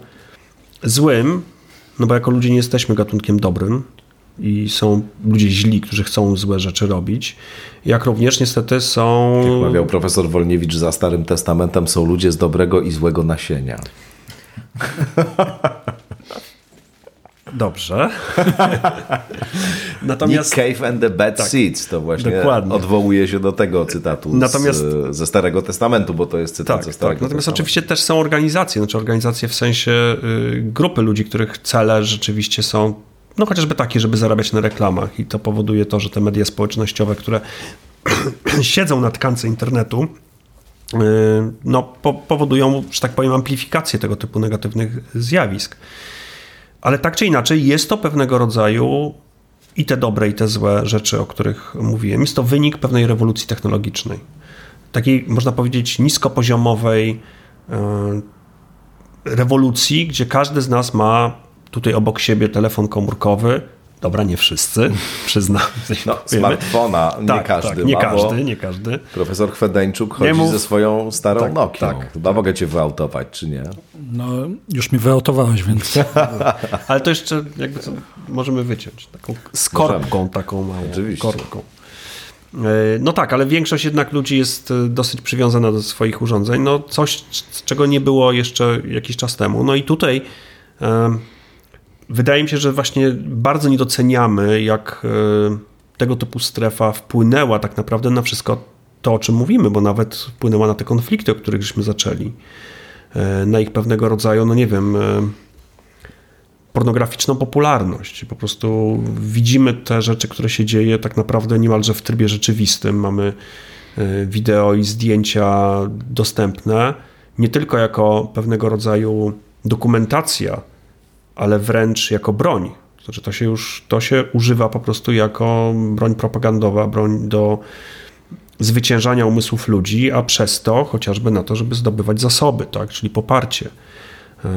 No i to jest niestety, według mnie to jest efekt uboczny tej rewolucji technologicznej, którą żeśmy mieli i którą cały czas mamy i która się toczy, ponieważ no, w zeszłym roku chociażby wprowadzenie chat GPT, który jednak się stał czymś, co jest bardzo nagle popularne, teraz właśnie roczek obchodzi. E, no i to jest dopiero taki, wydaje mi się, początek e, właśnie rewolucji tej ciężko powiedzieć sztucznej inteligencji, bo, nie jest, bo jest to no, stwierdzenie troszkę dla mnie zbyt szerokie, ale jednak coś, co, co może zrobić kolejny, kolejną rewolucję w najbliższych, najbliższych latach. Tylko, że tu jedna uwaga i już Jankowi oddaję głos, że jest tutaj właśnie to, o czym pisze cytowana przeze mnie wiele razy, bo uważam, że to w ogóle jedna z najważniejszych książek jest o współczesnym świecie. Szoszana Zubow od kapitalizmu, e, wieku kapitalizmu inwigilacji, badaczka, która się od lat zajmuje tą sferą wirtualną, no, że my mamy właśnie tendencję do naturalizowania tej technologii i tego, co właściwie tutaj dookoła w związku z tą technologią się dzieje, że myślimy o tym jako o czymś, co po prostu tak się rozwija, bo się tak rozwija, a to jest cały szereg konkretnych decyzji, wylobbowanych przez e, środowiska lobbystów stojących za wielkimi korporacjami cyfrowymi. E, to są po prostu określone interesy e, i idące za tym naciski na kształtowanie tak, a nie inaczej sfery prawnej. Więc my musimy też odpowiedzieć sobie na pytanie, jak chcemy kształtować i regulować kwestie technologii, na przykład technologii cyfrowych. Czy chcemy, żeby to była to było wyłącznie narzędzie, tak jak jest dzisiaj, przede wszystkim narzędzie w rękach wielkich firm, które handlują e, z pomocą tego i monetyzują e, to na różne sposoby, często naszym kosztem, kosztem naszej zdolności koncentracji, uwagi, naszych emocji e, rozgrzewanych do czerwoności celowo, bo to wpływa potem korzystnie na różne nasze niekorzystne dla nas decyzje konsumenckie i tak dalej. No czy właśnie chcemy żeby ta technologia służyła raczej e, celom konstruktywnym i była czymś, co ma nas prowadzić do funkcjonowania w społeczeństwie, w którym lepiej się ludziom żyje, są zdrowsi, weselsi, sympatyczniejsi i tak dalej, a nie, że się tam e, zażynają w tych mediach społecznościowych i, i że tracą systematycznie zdolności do koncentracji, a później e, dostają na to leki, żeby móc koncentrować się znowu. Pamiętacie w latach chyba dwutysięcznych E, rozgorzała dyskusja wobec ety, etycznych aspektów klonowania. Mhm. To chyba były, była ta owca Doli, tak? Pamiętam. Tak, tak. To ja nie pamiętam, czy ona była w Korei, czy w Japonii. W każdym razie mm, y, zaczął się ten y, rozwój tych technologii i on y, jakimś wspólnym wysiłkiem został, czy to dobrze, czy źle, to ja nie wiem, ale udało się ten proces zahamować, to znaczy nie dopuścić. Owca Dolly, drogi Janku, to w Szkocji została sklonowana. W Szkocji? W Szkocji. Tak, tak Szkocja. Tak. Pod Edynburgiem. No popatrz. Y, no ale w każdym razie ludzi y, się nie klonuje. I to się udało. Oficjalnie. Oficjalnie. Y, to ja nie wiem, czy nieoficjalnie. A nieoficjalnie, Paweł? A nieoficjalnie nie wiadomo. to jest ten problem. Ja myślałem, że już coś tutaj powiesz, wiesz. Y, w każdym razie ten rozwój tej technologii został y, zahamowany. W każdym razie, tak jak powiedział Paweł oficjalnie, ale o niczym innym nie mogę się wypowiadać. No i to się udało, wydaje mi się, dlatego, że to są technologie dość jednak złożone i wymagające całego takiego mm, biologicznego kombinatu. To znaczy, to, to musi być jakiś, muszą być laboratoria, specjaliści i tak dalej, i tak dalej. I y, w tym sensie, y, tak długo jak y, już silne struktury, czyli na przykład państwa, nie, nie chcą tego w, w tajnych jakichś laboratoriach robić, to nie jest łatwo ukryć tego typu działalność, jeżeli byś chciał nielegalnie klonować ludzi. Znaczy, technologicznie się to robi coraz prostsze. No domyślam się, ale tak, tak. pewnie te 20 lat temu to tak to było jednak. Tak, ale rozumiem, że to po prostu dałoby się technicznie zrobić dzisiaj. Znaczy, wydaje mi się, że tak. No, tutaj y, to zależy jeszcze od zastosowanych technik, ale tu postęp jest, y, jest gigantyczny. Y, no, problemem jest oczywiście to, że są nakładane różnego rodzaju obostrzenia prawne wynikające z przemyśleń etycznych i bardzo dobrze. Natomiast są państwa, które posługują się inną etyką niż, niż nasza i po prostu zrobią to, co uważają, że im się opłaca bądź jest dla nich korzystne. Mm, więc tutaj akurat ten przykład z klonowaniem jest, jest dobrym przykładem, bo dokładnie to samo będziemy mieli w przypadku technologii sztucznej inteligencji. No tak, tylko... Teraz powstała regulacja, taka pierwsza regulacja w Unii Europejskiej, gdzie próbuje się wprowadzić e, już obostrzenia i to głównie one dotyczą co do danych, które mają być zbierane do trenowania tych różnych modeli. Mm, natomiast po pierwsze, tam są już furtki porobione, bo jeżeli to jest projekt, który jest związany na przykład z bezpieczeństwem narodowym, to wtedy można troszeczkę mm, luźniej traktować te dane, to znaczy po prostu robić to, co się chce robić, a dodatkowo no, to jest coś, co będzie pętało podmioty na poziomie Unii Europejskiej, które one mogą sobie pójść gdzie indziej. Tak? To już nawet było zapowiedzi chyba szefa właśnie no, OpenAI, który powiedział, że no okej, okay, to on może zabrać swój. Którego odwołano, później tak. przy, przy, przywrócono, jakieś tajemnicze historie tam tak. zachodziły. No ale ja o, tej, o tym klonowaniu się właśnie w kontekście sztucznej inteligencji yy, wspomniałem, bo yy, wydaje mi się, że rozwój sztucznej inteligencji yy, jest, że to jest zbyt rozproszone, żeby to można było kontrolować. Tak, powstrzymać. Znaczy, tak, tak. Jednak to jest y, wiedza informatyczna jest o wiele bardziej powszechna. Y, zostać specjalistą od sieci neuronowych to pewnie mm, w cudzysłowie wystarczy studia i doktorat. Myślę, żeby być wysokiej klasy specjalistą. No i y, takich ludzi y, można wyszkolić y, dużo i takich ludzi jest pewnie sporo. I to, i to jest zbyt y, już do, chyba dostępne, tak mi się zdaje. Y, po pierwsze, a po drugie, tak jak powiedziałeś, zawsze znajdą się ci źli aktorzy, czyli ci, o których my mówimy, że są źli.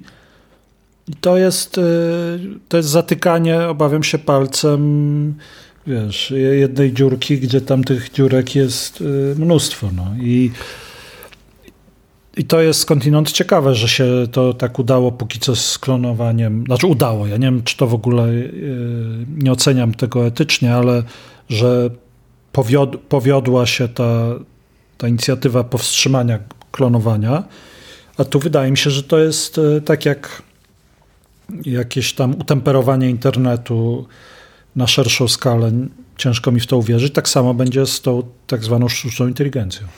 No to z tym klonowaniem to rzeczywiście y, przypomniałeś ciekawe zjawisko, którym się, któremu się nie przyglądałem od jakiegoś czasu. Mm, będzie trzeba zrobić jakiś taki update informacji, co tam, jak to wszystko wygląda w perspektywie całego świata. Mm, natomiast wydaje mi się, że tutaj to, co y, zadziało się w przypadku tych technologii klonowania, to tutaj chyba rzeczywiście się okazało, że mm, niespecjalnie nam to coś, co, coś daje, tak? No bo jaki może być cel klonowania ludzi? No, tak? mieć y, drugiego Boguszewskiego, drugiego Chwedeńczuka. Po co? No jak po co? Po co? No jak to? Po, pierwsze, tam, po, pierwsze, po pierwsze nie będziesz 40 miał. Po pierwsze nie będziesz miał. Nigdy. Nie? Dlaczego? Nie. No bo... Ale że ja osobiście nie będę miał? Nie, no ale nie. No, chodzi, że nie, nie powstanie drugi taki sam osobnik, bo problem jest taki, że... Nie ma drugiego takiego. Nie ma, że nawet jeżeli będziesz miał 100% genów dokładnie identycznych, no, czyli to, co jest podstawą klonowania, to tak czy inaczej e, układ nerwowy powstaje w bardzo dynamiczny sposób i on się sam łączy na poziomie rozwoju układu nerwowego na tyle dynamicznie, na tyle niedeterministycznie, że nawet jeżeli nie wprowadzamy, że tak powiem, z zewnątrz, ze środowiska żadnych bodźców, one są cały czas jeszcze na okresie prenatalnym, to i tak te mózgi są już inne w momencie urodzin. Czyli masz dosyć dużą losowość połączeń. Ale gdyby się dało tak e, ciebie odtworzyć, hmm. w sensie sklonować nie tak, że e, będzie organizm, który przejdzie od fazy mhm. embrionalnej do fazy, no przejdzie przez tą całą fazę mhm. rozwojową, tylko że taki po prostu rzeczywiście kopia, kopia druga powstanie. To jeśli materialistyczna teoria umysłu na przykład jest prawdziwa, to znaczy, że że wszystko, co w tym umyśle mamy, to gdzieś tam jest e, w cząsteczkach, które w tobie są, no to teoretycznie rzecz biorąc, zdałoby się drugiego ciebie tutaj. Teoretycznie tak, stworzyć. ale nie za pomocą klonowania. No bo potem ci masz całą historię swojego życia. My jesteśmy tak naprawdę swoją pamięcią. No tak.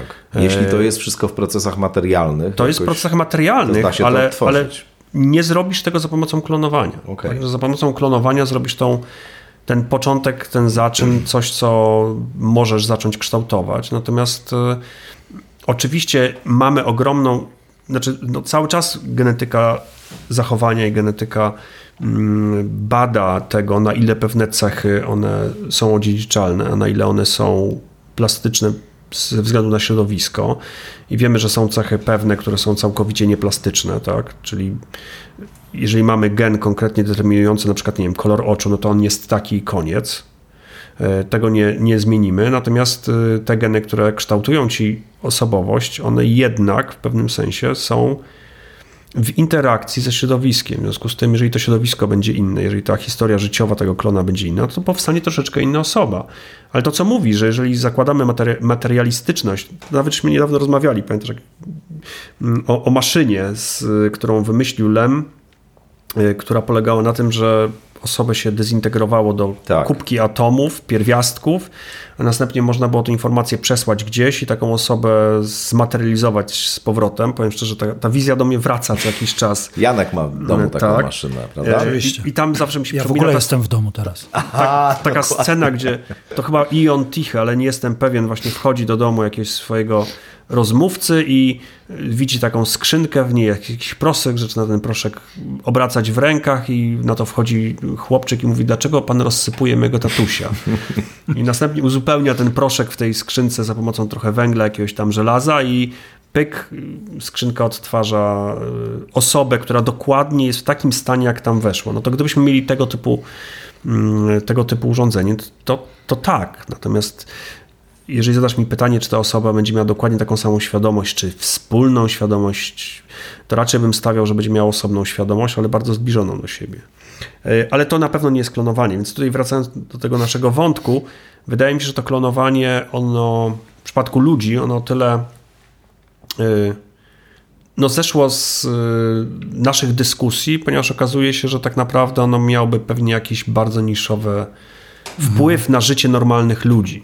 Natomiast to, co powiedziałeś o tych technologiach cyfrowych, mm, przy tym, że procesory tanieją, komputery tanieją, moc obliczeniowa tanieje gwałtownie, a te nowe algorytmy, o których e, wspomniałeś, on też, też, że tak powiem, ich taniość obliczeniowa jest e, coraz niższa. I tak jest, jest tak? Tak, to, tak.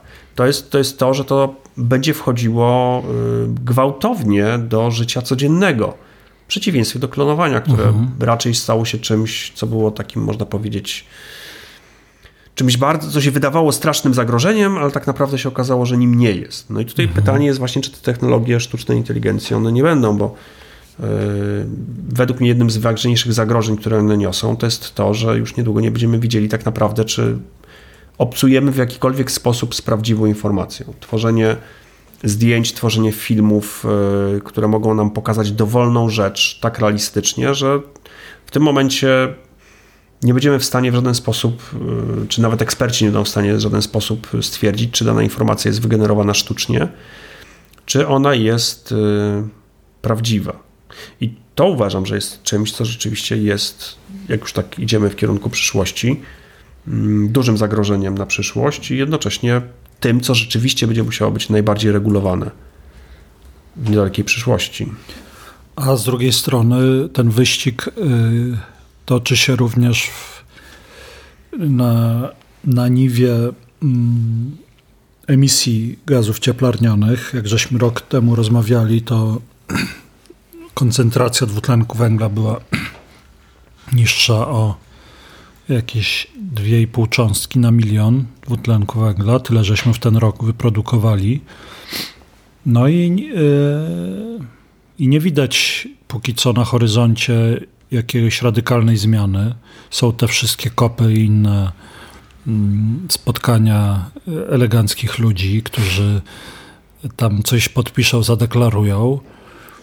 Trochę y, groteska to jest w ogóle. Trochę groteska. Y, po owocach ich poznacie, a tych owoców póki co jakichś takich istotnych to chyba nie ma. No i to jest, y, to już jest taki mój, mm, od paru lat ta, ta myśl za mną podąża, to znaczy ten wyścig pomiędzy postępem technologicznym, y, ale też y, na różnych polach, znaczy w medycynie, w psychiatrii i tak dalej, i tak dalej, które mogło pewne rzeczy uczynić lepszymi w naszym życiu. A z drugiej strony, mm, no właśnie coś, co może nas sprowadzić do tych y, golasów y, z maczugami, no. czyli do jakichś tam, to może oczywiście przejaskrawiam, ale do społeczeństw, które głównie łożą na bezpieczeństwo i na żywność. No ale to jest to chyba pytanie właśnie o wartości, o jakąś, nazwijmy to filozofię tego, do czego nam ta technologia potrzebna, co dla nas jest najważniejsze, jak chcemy regulować jej używanie, no bo bez tego, no to, to rzeczywiście to puszczone na e, tak e, wolny rynek w cudzysłowie, e, no oczywiście tego wolnego rynku właśnie nie ma, to znaczy staje się wyłącznie narzędziem w rękach wielkich koncernów. Tak, i ostatnio teraz prowadzę zajęcia na pierwszym roku mm, i coraz częściej osoby tam, z którymi mam styczność, pytają mnie, po co one mają się uczyć tych zawiłości, skoro y, chat GPT y, rozwiąże im większość tych zagadnień, jeżeli nie wszystkie, które ja im podaję, czy jakiś inny model językowy i co więcej, y, rozwiązanie im prześlę w PDF-ie rymowane w jakimkolwiek tam rytmie będziesz sobie życzył, to po co oni mają się uczyć? Na wczesny kaliber 44 na przykład może być. To po zakończeniu nagrania możemy spróbować. Oczywiście. E, no i coraz ciężej jest znaleźć mi na to odpowiedź. Jedyne, co chyba mogę powiedzieć, to, że po pierwsze mm, wiedza zmniejsza ryzyko bycia manipulowanym, czyli zwiększa odporność na Oczywiście. manipulację, a po drugie ona mm, pozwala chociaż częściowo zrozumieć y, właśnie wpływ na przykład tych wielkich korporacji y, cyfrowych, mniej więcej zrozumieć może, jak działają niektóre mechanizmy.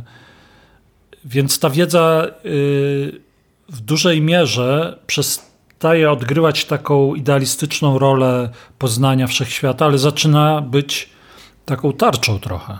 No i też pozwala zadawać pytania. No bo to jest. Hmm. Ale pytania, te... rozumiem, nie pytania o to, skąd y, wziął się wszechświat, tylko co oni nam robią, tak? Znaczy, nie, wszelkiego typu, tak? No bo nawet jeżeli mamy jakiś ten model językowy, to musimy zadać pytanie. Oczywiście możemy sobie dwa ustawić, niech sobie gadają ze sobą i tak też ludzie robią. I czasami jest to zabawne.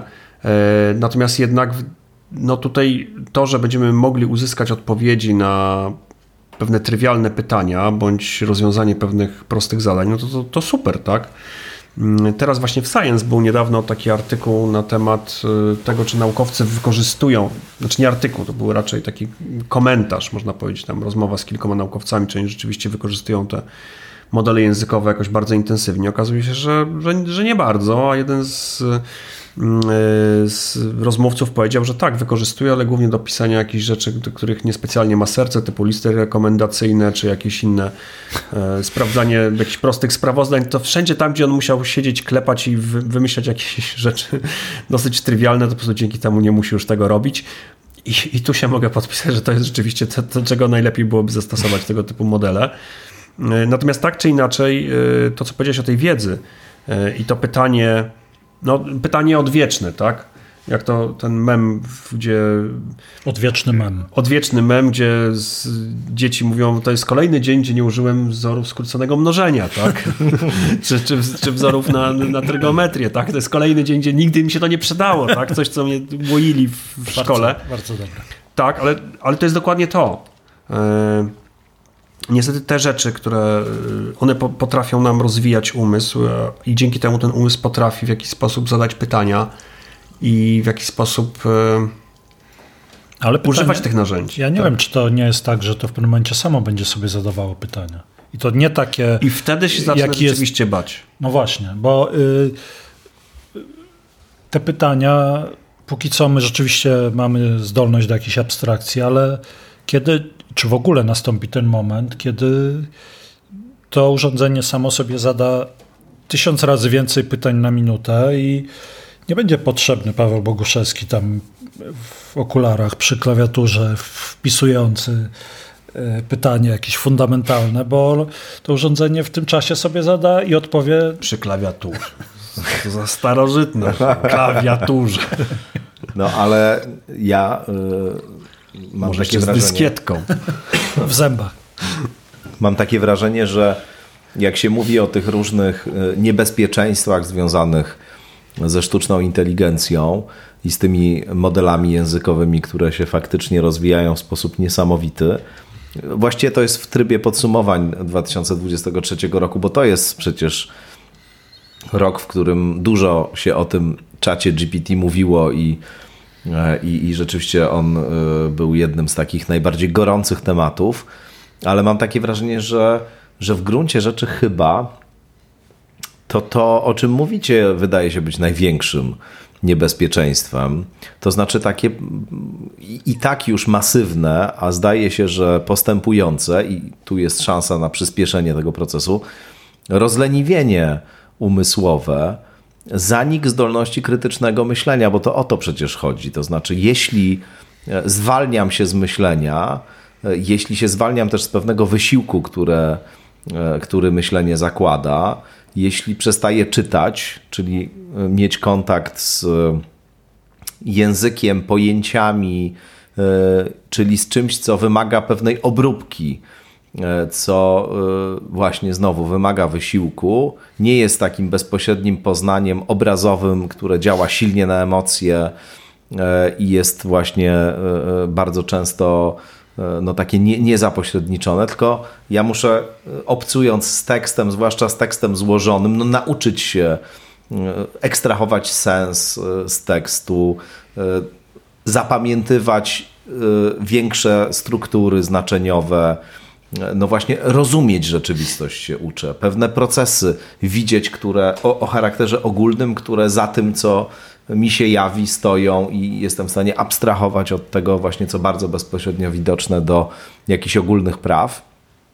No jeśli tego wszystkiego się pozbawiam, a już to się przecież dzieje, no to, no to staje się poza wszystkim y, łatwo formowalny, to znaczy staje się kimś, kogo, kogo formować jest bardzo prosto, no bo nie ma zdolności do tego, żeby w ogóle zrozumieć, co się z nim dzieje, z czym obcuje, E, żeby stanąć obok pewnych swoich reakcji, na przykład swoich emocji przemożnych, narzucających się i w jakiś sposób się do tego zdystansować. No. No ale, ale może... tak jest. No ale, jest właśnie, tak mówię. Ale może tak było. Tak no. jest, tak było i tak będzie. Ale teraz jest to e, w skali masowej e, zdecydowanie zjawisko, które, które jakoś postępuje, mam wrażenie. Hmm. To też Stanisław Lem mówił już dawno, z tym, że on to właśnie w formie teorii spiskowej mówił, że są siły zainteresowane w globalnym spadku e, inteligencji, żeby ludzie byli coraz głupsi. Ale y, skoro już Lem się pojawił po raz drugi dziś. Lem to... jest fantastą, pisze, że przybysze są zieloni jak ciasto kiwi. Dla mnie obrzydliwi. To a propos kaliber 44. e no może jest tak, jak mówi, y, mówił Lem, że jesteśmy jakimś etapem pośrednim ewolucji i że powoli ten nowy gatunek będzie, y, ten sztuczny, nazwijmy go, gatunek będzie ewoluował i w tym sensie y, nasze głupienie jest po prostu oddawaniem planety temu nowemu gatunkowi, takim bardziej czy mniej on będzie dramatyczny. I oczywiście ja rozumiem, że to, co ty mówisz, y, że w tym jest naturalna jakaś taka chęć, żebyśmy jednak nie tracili nad tym wszystkim kontroli, żeby te elementy tak. tradycyjnego świata, tradycyjnego, no, tego, do którego przywykliśmy, pozostały. Ale może tak jest, że jest to proces, y, nad którym już straciliśmy, po pierwsze straciliśmy kontrolę, a po drugie on jest w jakimś sensie naturalny. To znaczy, po prostu przychodzi kolejny gatunek, nie, już nie białkowy, tylko taki krzemowy, który jest pod każdym względem, jeszcze nie teraz, ale w momencie, kiedy na, nabierze takich cech, jest o wiele lepszy i może się jakoś reprodukować w znaczeniu przez jakieś roboty, które będą tworzyły mikroprocesory. Nie ale bez, bez tych rzeczy, tak? Bez jakich rzeczy? No, tych rzeczy, które towarzyszą reprodukcji. No, to już ludzi. wiesz, no, to zależy od woli tego robota. Te, tak. A dlaczego nie? Ale ja nie mówię, że nie, ja pytam. No, jednym z algorytmów, który dawno temu był wykorzystywany na przykład do optymalizacji różnych procesów, był tak zwany algorytm genetyczny, gdzie się jakby w sztucznych chromosomach kodowało cyfrowo pewne cechy, następnie mieszało to zupełnie w sposób mniej bądź bardziej kontrolowany i patrzyło, jakie wychodzą nowe mieszanki. Także być może te sztuczne inteligencje dojdą do wniosku, że tego typu rekombinacja informacji jest też czymś, co jest mm. wygodne. No ale tak, tak, tutaj, tutaj ta, ta, ta przyszłość no daleko żeśmy wyjechali do, w tą przyszłość i to tworzenie tego, tego nowego gatunku. To się okaże, czy daleko. To, to, to się okaże, czy, czy daleko i czy, czy, czy, bardzo, czy bardzo odjedziemy. E, ale tak może być. To znaczy, rzeczywiście może być, że to od czegośmy zaczęli. To znaczy, że ludziom wygodniej będzie nie myśleć, nie kształtować swoich umysłów, tylko skupić się na przeżywaniu jakichś emocji przyjemnych bądź nieprzyjemnych, które dają jakąś wtórną przyjemność no i jest czymś, co tak naprawdę obserwujemy i wydaje mi się, że tutaj no, kiedyś uważano, że jeżeli damy ludziom dostęp do wiedzy, to staną się mądrzejsi. Teraz wszyscy ha, mamy ha, dostęp ha. do wiedzy i jakoś nie widzimy, żebyśmy się stali mądrzy, bo nie chcemy po nią sięgać, bądź y, nie potrafimy po nią sięgać. Więc tutaj niestety obawiam się, że Zaczęliśmy od, zacząłem wcześniej, kiedy mówiliśmy o tej polityce prawicowość, lewicowość, y, mamy zróżnicowanie gatunkowe, które pokazuje, że będą wewnątrz ci konserwatyści i ci postępowcy. I obawiam się, że podobne zróżnicowanie mamy względem tego tych, którzy będą czuli niedosyt i potrzebę pewnego rodzaju kształtowania swojego najważniejszego narzędzia, czyli umysłu, i tych, którzy uznają, że nie jest to coś, co jest celem ich życia i celem życia są raczej pewnego rodzaju wrażenia i po prostu będą brały to, co zostaje im zaserwowane, im taniej, tym lepiej. E, więc tutaj myślę, że też będziemy mieli pewnego rodzaju zmianę mm, wyglądu społeczeństw. I to niekoniecznie tutaj u nas, tylko, że tak powiem, globalnie. To znaczy właśnie na, na być może na jakieś elity, które będą doskonale się, które będą kształtowały tą nową technologię i, i ludzi, którzy tylko będą się zajmowali konsumpcją pewnych, pewnych e, owoców tej technologii. No, ale też po to, żeby w jakiś sposób wszystko się kręciło, tak? To znaczy będą właśnie no, tymi, I to, którzy... I to jest pytanie, czy to się wszystko będzie kręciło, bo no, ostatnie 100 lat to jest kręcenie się wszystko wokół pewnego rodzaju tych mechanizmów związanych z kapitalizmem, czyli tak naprawdę zbieraniem pewnych, pewnych zasobów, które dają możliwość, nie wiem, rozwoju technologii. Jednocześnie jednak opartych na pewnego rodzaju, można powiedzieć, zapożyczaniu się na przyszłość. Nie wiem, czy to zasoby właśnie klimatyczne, czy zasoby e, naszej planety. Jak to będzie wyglądało, nie wiem, za 100 lat, powiem szczerze, zupełnie nie wiem. Mm.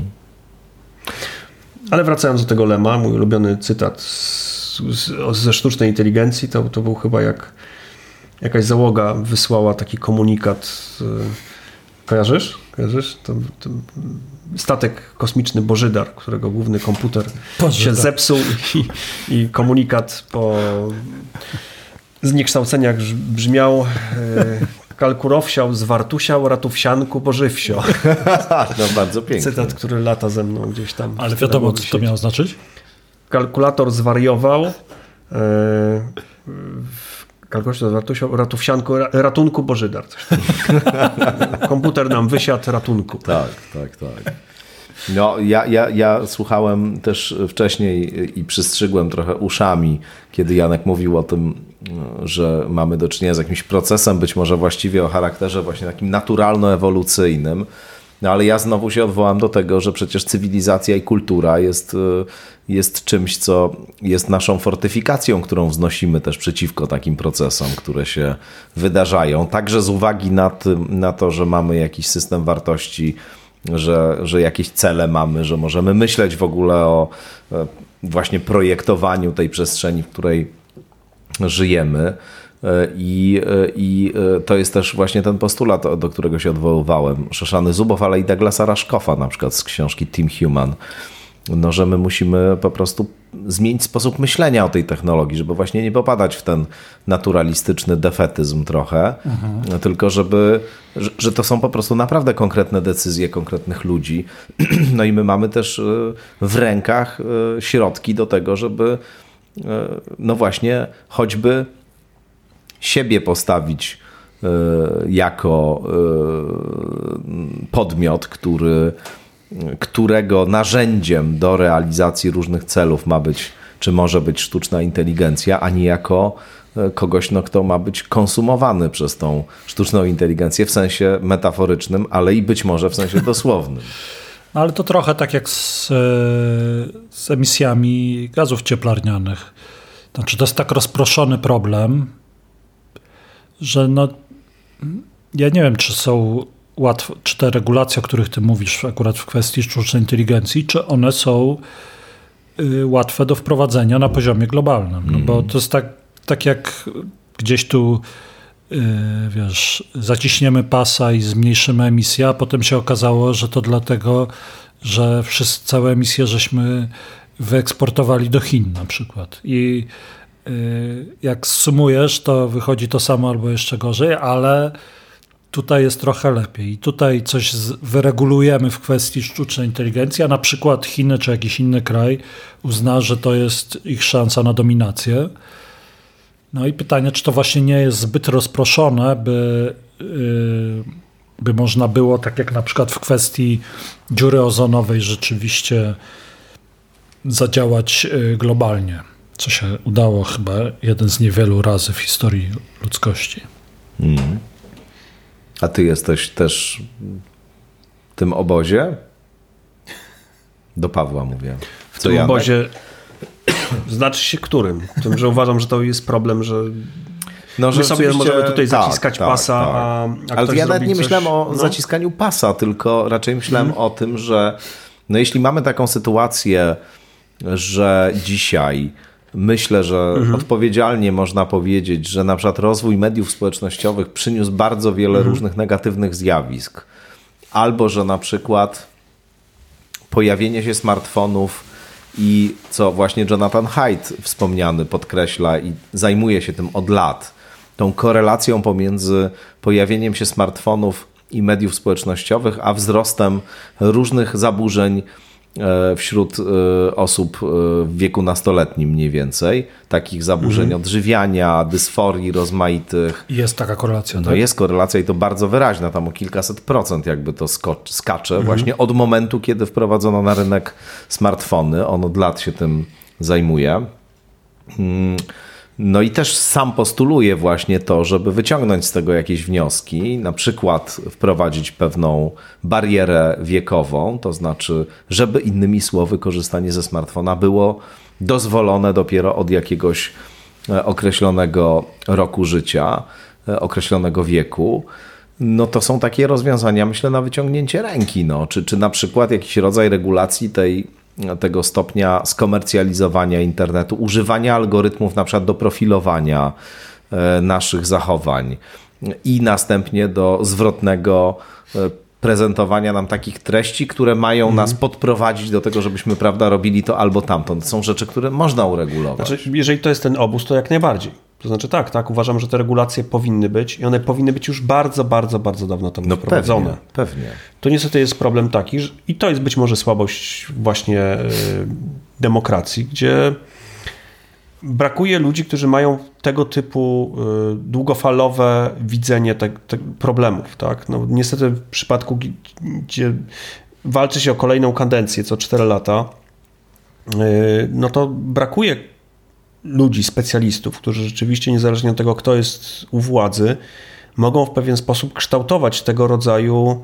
mm, tego rodzaju polityki. Tu wspomniałeś o, ty, o tym wielkim takim lobbowaniu poprzez firmy, które mają z tego po prostu realne korzyści. To znaczy, tak. jeżeli nie ma regulacji, to one mogą więcej zarabiać.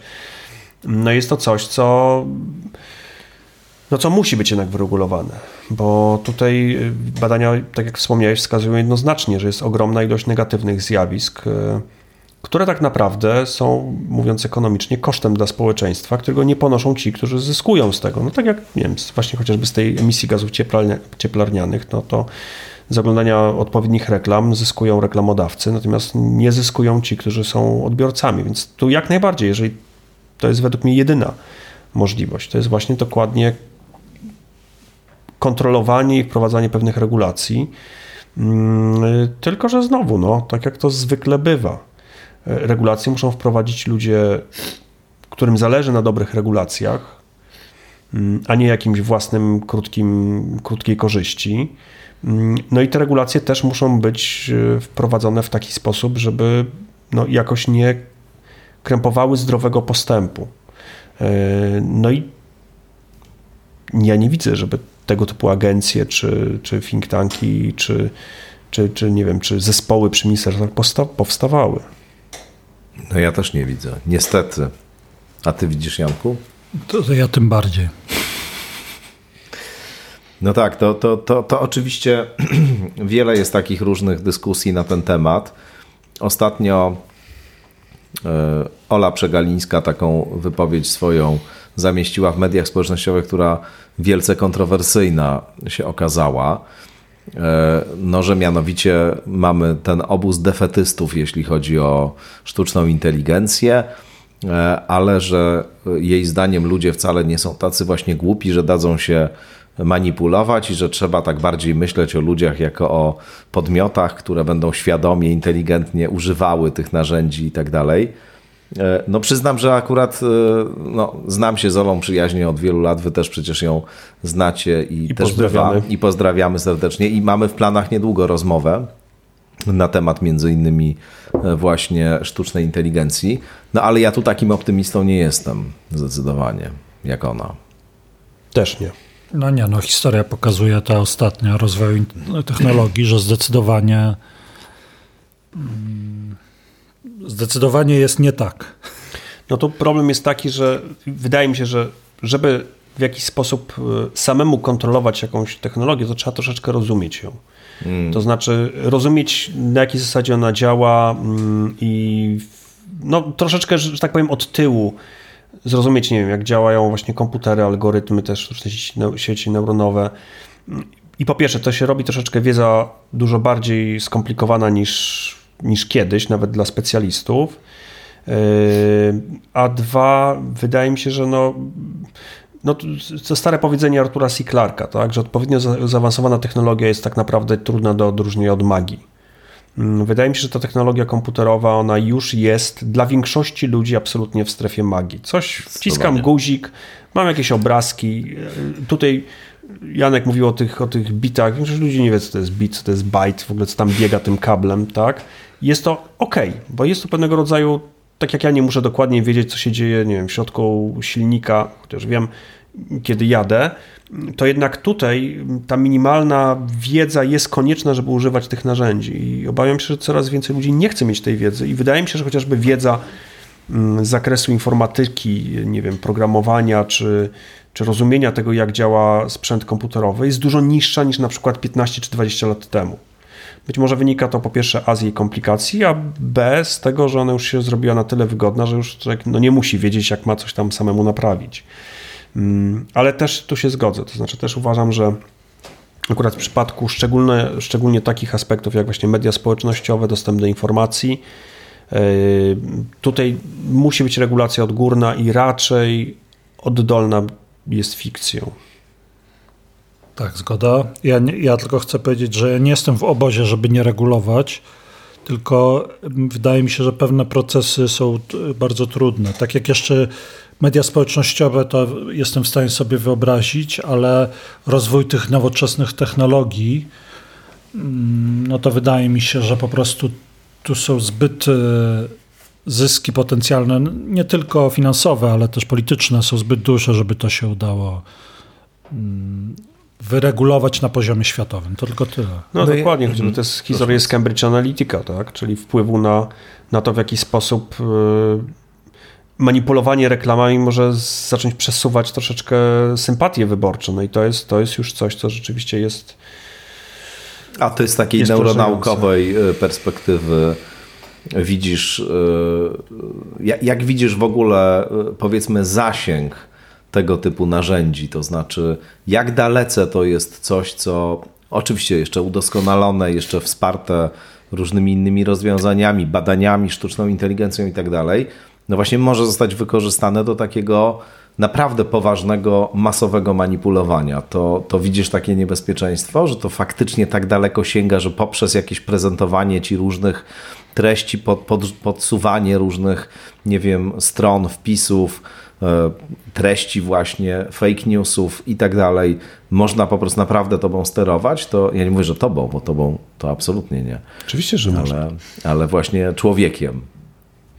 To znaczy tak i do tego wcale nie potrzebujemy neuronauki, to znaczy te metody, które mm, wpływania na ludzi, one były weryfikowane, czy rzeczywiście widzimy pewnego rodzaju, nie wiem, silniejszą bądź mniejszą aktywację, czy jakieś zmiany w układzie nerwowym, ale ta technologia, w jaki sposób płynąć na decyzje innych ludzi, to ona jest znana od dziesięcioleci i niekoniecznie właśnie nie wynika z, neu, z neuronauk. E, mm, natomiast, e, mm, czyli, czyli tak naprawdę tworzenie tych algorytmów, gdzie mamy pewne cele do, e, do, do osiągnięcia, ono no, tak jak najbardziej można wpływać. Można wpływać. Natomiast tak jak mówię, no ta neuronauka tutaj niekoniecznie może nam dać jakiś dodatkowy no ale chyba się przydaje. Siły do takim, tego. Prawda? Tak, natomiast raczej nie da nam żadnej możliwości e, obrony. To, znaczy tutaj, no, no właśnie. to jest pewnego rodzaju ograniczenie tej, tej, tej wiedzy właśnie neuronaukowej. E, raczej ona pokazuje, że nasz mózg jest e, tworem znowu ewolucyjnym, który dokładnie jest nakierowany na informacje negatywne z konkretnych przyczyn tego, że trzeba przeżyć który łatwo ulega emocjom, ponieważ emocje to jest coś, co potrafi szybko uruchomić pewne działanie i nakierować działanie niekoniecznie w dobrym celu, ale po prostu, po prostu działa.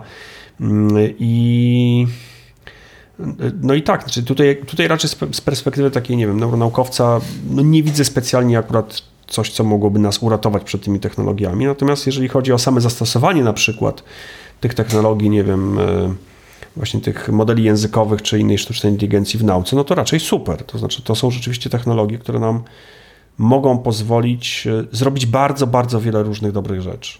I, I to się dzieje. To się dzieje chociażby na poziomie, nie wiem, syntezy, syntezy nowych cząstek, to się dzieje na poziomie pisania opinii.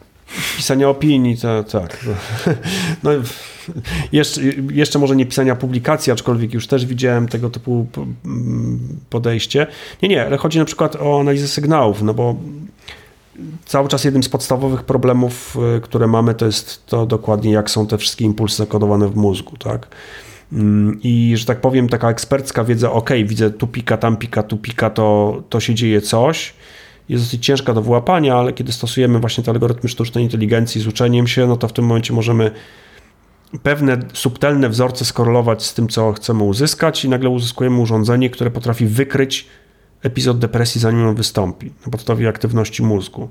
No i to uważam jest super, to może nam rzeczywiście dać fantastyczne narzędzia na przyszłość i tak naprawdę w najbliższe lata ja uważam, że to właśnie będzie rozwój tego rodzaju takich, takich urządzeń, które będą tak zwane działały w tak zwanej closed loop, czyli po prostu pewne urządzenie, które odczytuje aktywność mózgu i jednocześnie potrafi pobudzić inny fragment mózgu i na przykład, no nie wiem, zablokować epizod depresji. To już jest zrobione, już była publikacja w zeszłym roku takiego prototypowego urządzenia i być może się zastosuje do wielu innych e, przypadłości, które nas trapią. No i tutaj dokładnie tam są te wszystkie metody sztucznej inteligencji stosowane i bardzo dobrze.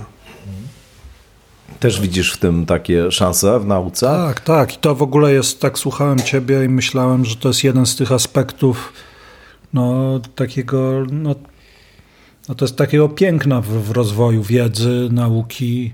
Ile tu się splata w tym, co mówiłeś, yy, specjalizacji, że masz komputer, który yy, w tej współczesnej formie jest możliwy, mogliśmy go zbudować, bo znaliśmy mechanikę kwantową, masz y, badania sygnałów, czyli taka no, y, matematyka czysta, jakieś tam analizy furierowskie.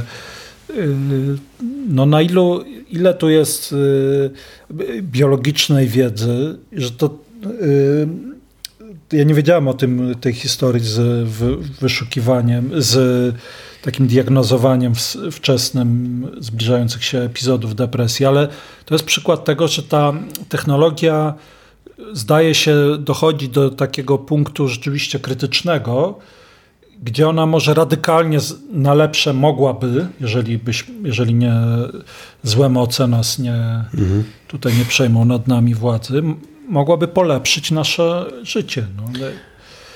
No i fajnie, żeby tego typu badania były finansowane, wspierane na przykład chociażby, nie wiem, w Polsce, a nie są.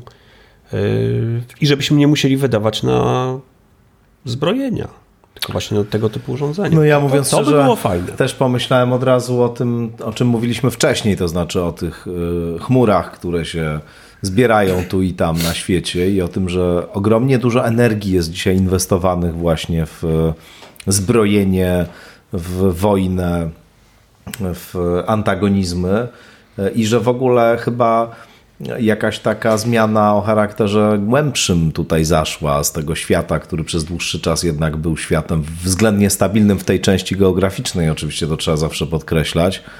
E, wchodzimy w taką epokę e, mroku trochę i takich właśnie przeobrażeń i, i to jednocześnie e, z tymi wszystkimi niesamowitymi technologiami, narzędziami, możliwościami, w parze idzie i nie wiem, jak sobie zaczynam myśleć o tym, mówiłem też o tym rok temu, wiem, bo słuchałem, jak powiedziałem, tej naszej rozmowy. My nie.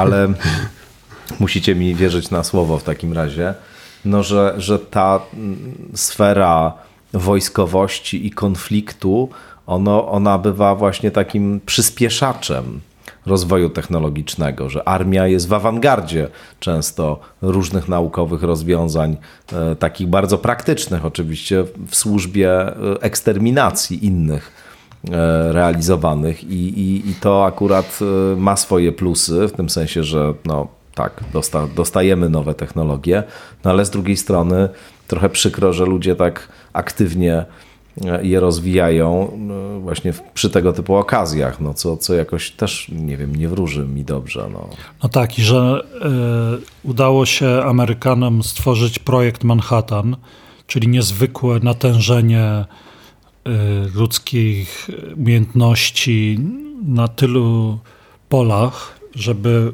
uratować świat przed nazizmem, bo taki był wyjściowo plan, żeby wyprzedzić hitlerowców w tym wyścigu po broń jądrową. A że nie, to nawiązuje do tego, co mówiłeś, że nie wydajemy na naukę i edukację, tylko na zbrojenia, że nie ma żadnego, nawet myśli takiej, żeby stworzyć rodzaj projektu Manhattan w kwestiach na przykład y, baterii. Tak? Że nie ma, że bateria jest jednym z, brak dobrej baterii jest jednym z kluczowych problemów ekologicznych, bo gdybyś miał baterię, która y, niewielkiej pojemności bardzo dużo energii y, zamyka i jej nie traci potem, no to mógłbyś sobie ładować od wiatraków, paneli i tak dalej. Nie, miał, nie, miał, nie miałbyś potrzeby ciągłego, ciągłej podaży energii w sieciach elektrycznych. I to już radykalnie mogłoby zmienić zarówno motoryzację, jak i dostępność energii w innych, w przemyśle czy w domach. No i że nie ma takiego, y, że tylko już takie zagrożenie ekstremalne i bardzo bezpośrednie i krótkoterminowe było w stanie wyzwolić y, w ludziach taką determinację, żeby stworzyć taki wielki zespół, a tego nie ma ani w kwestii właśnie takich czy baterii, czy w kwestii sztucznej inteligencji, mm, że jakoś tak jako gatunek, jako społeczeństwa, no jakoś zawodzimy, no, takie mam wrażenie. I tu Janek smutno popatrzył się na mnie, a ja powiem, no tak, dokładnie tak jest, niestety. Dokładnie no to, tak to może, może y, na koniec... Na Zaśpiewamy. Ten... A dobrze, proszę bardzo, Janku, ty nie, pierwszy. Nie, nie, to tylko ty tu potrafisz pięknie śpiewać. Nie, no może, y, może y, kaliber 44 za... A jak ja śpiewam, to jedyna metoda rozpoznania, co śpiewam, to jest po tekście.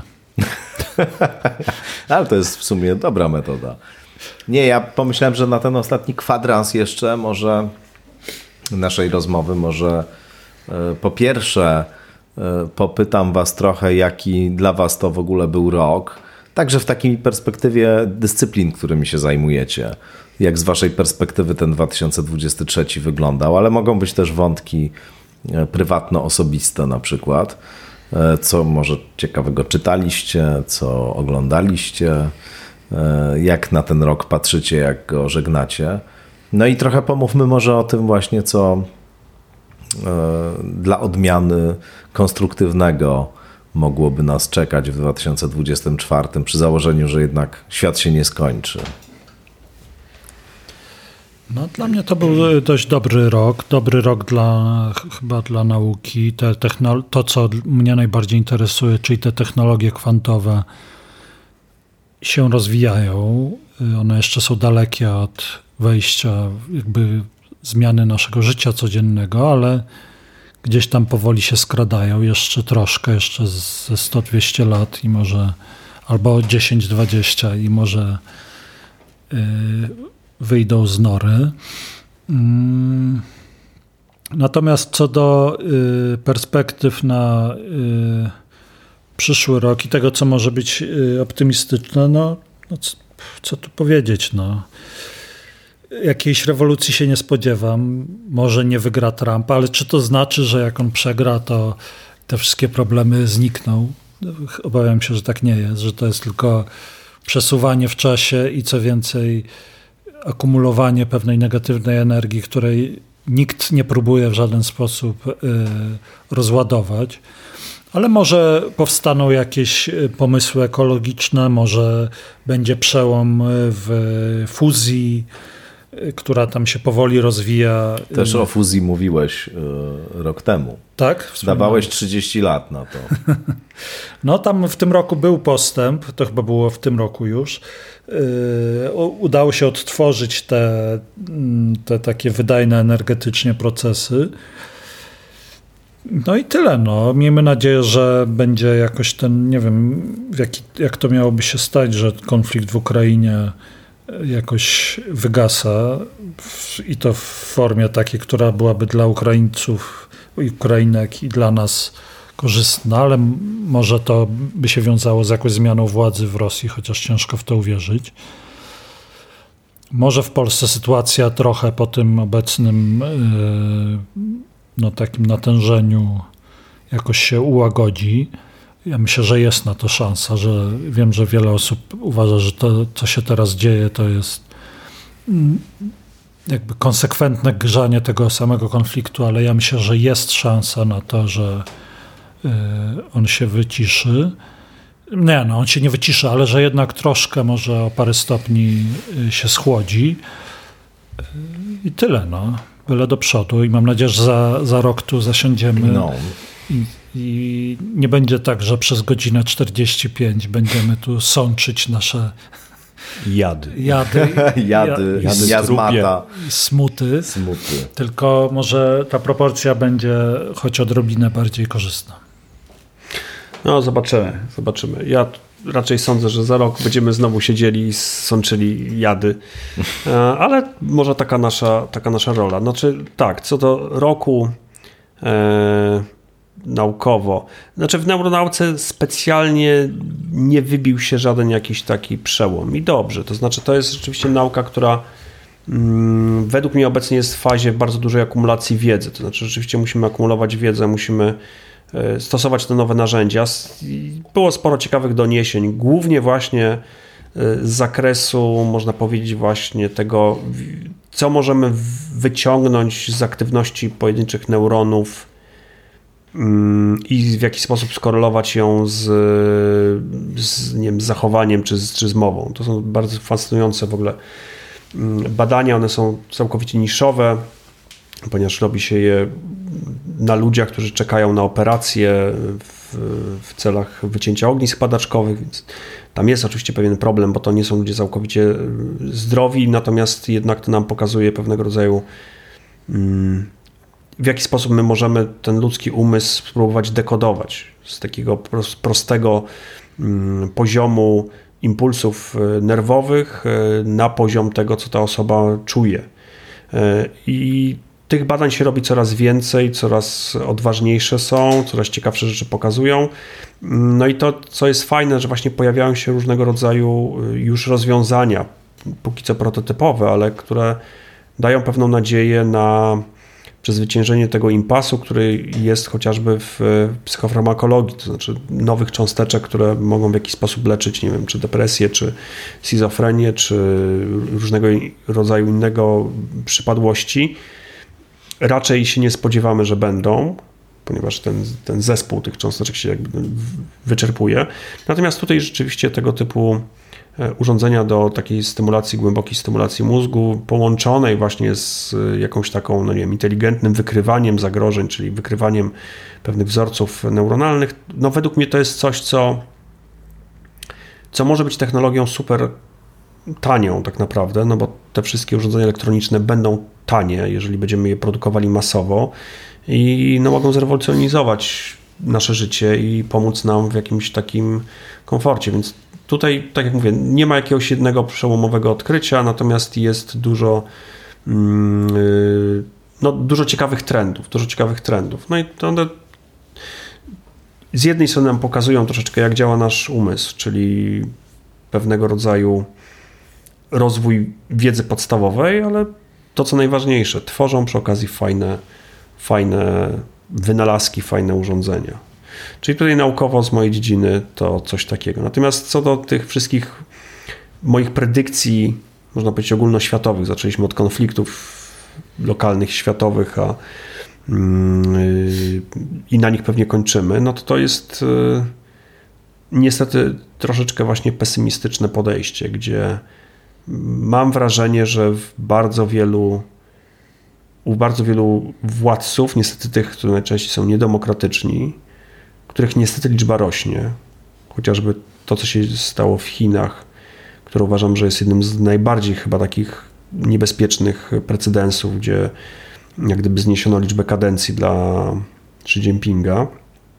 Y, to powoduje, że być może pewnego rodzaju konflikty, które w w oczach takich ludzi są po prostu narzędziem władzy, są przedłużeniem pewnego rodzaju polityki, nie, nie są czymś, co jest czymś niedopuszczalnym, czego nie należy robić za każdą cenę, tylko po prostu to jest dla nich jedno z narzędzi w ich pudełku, bo to nie oni giną.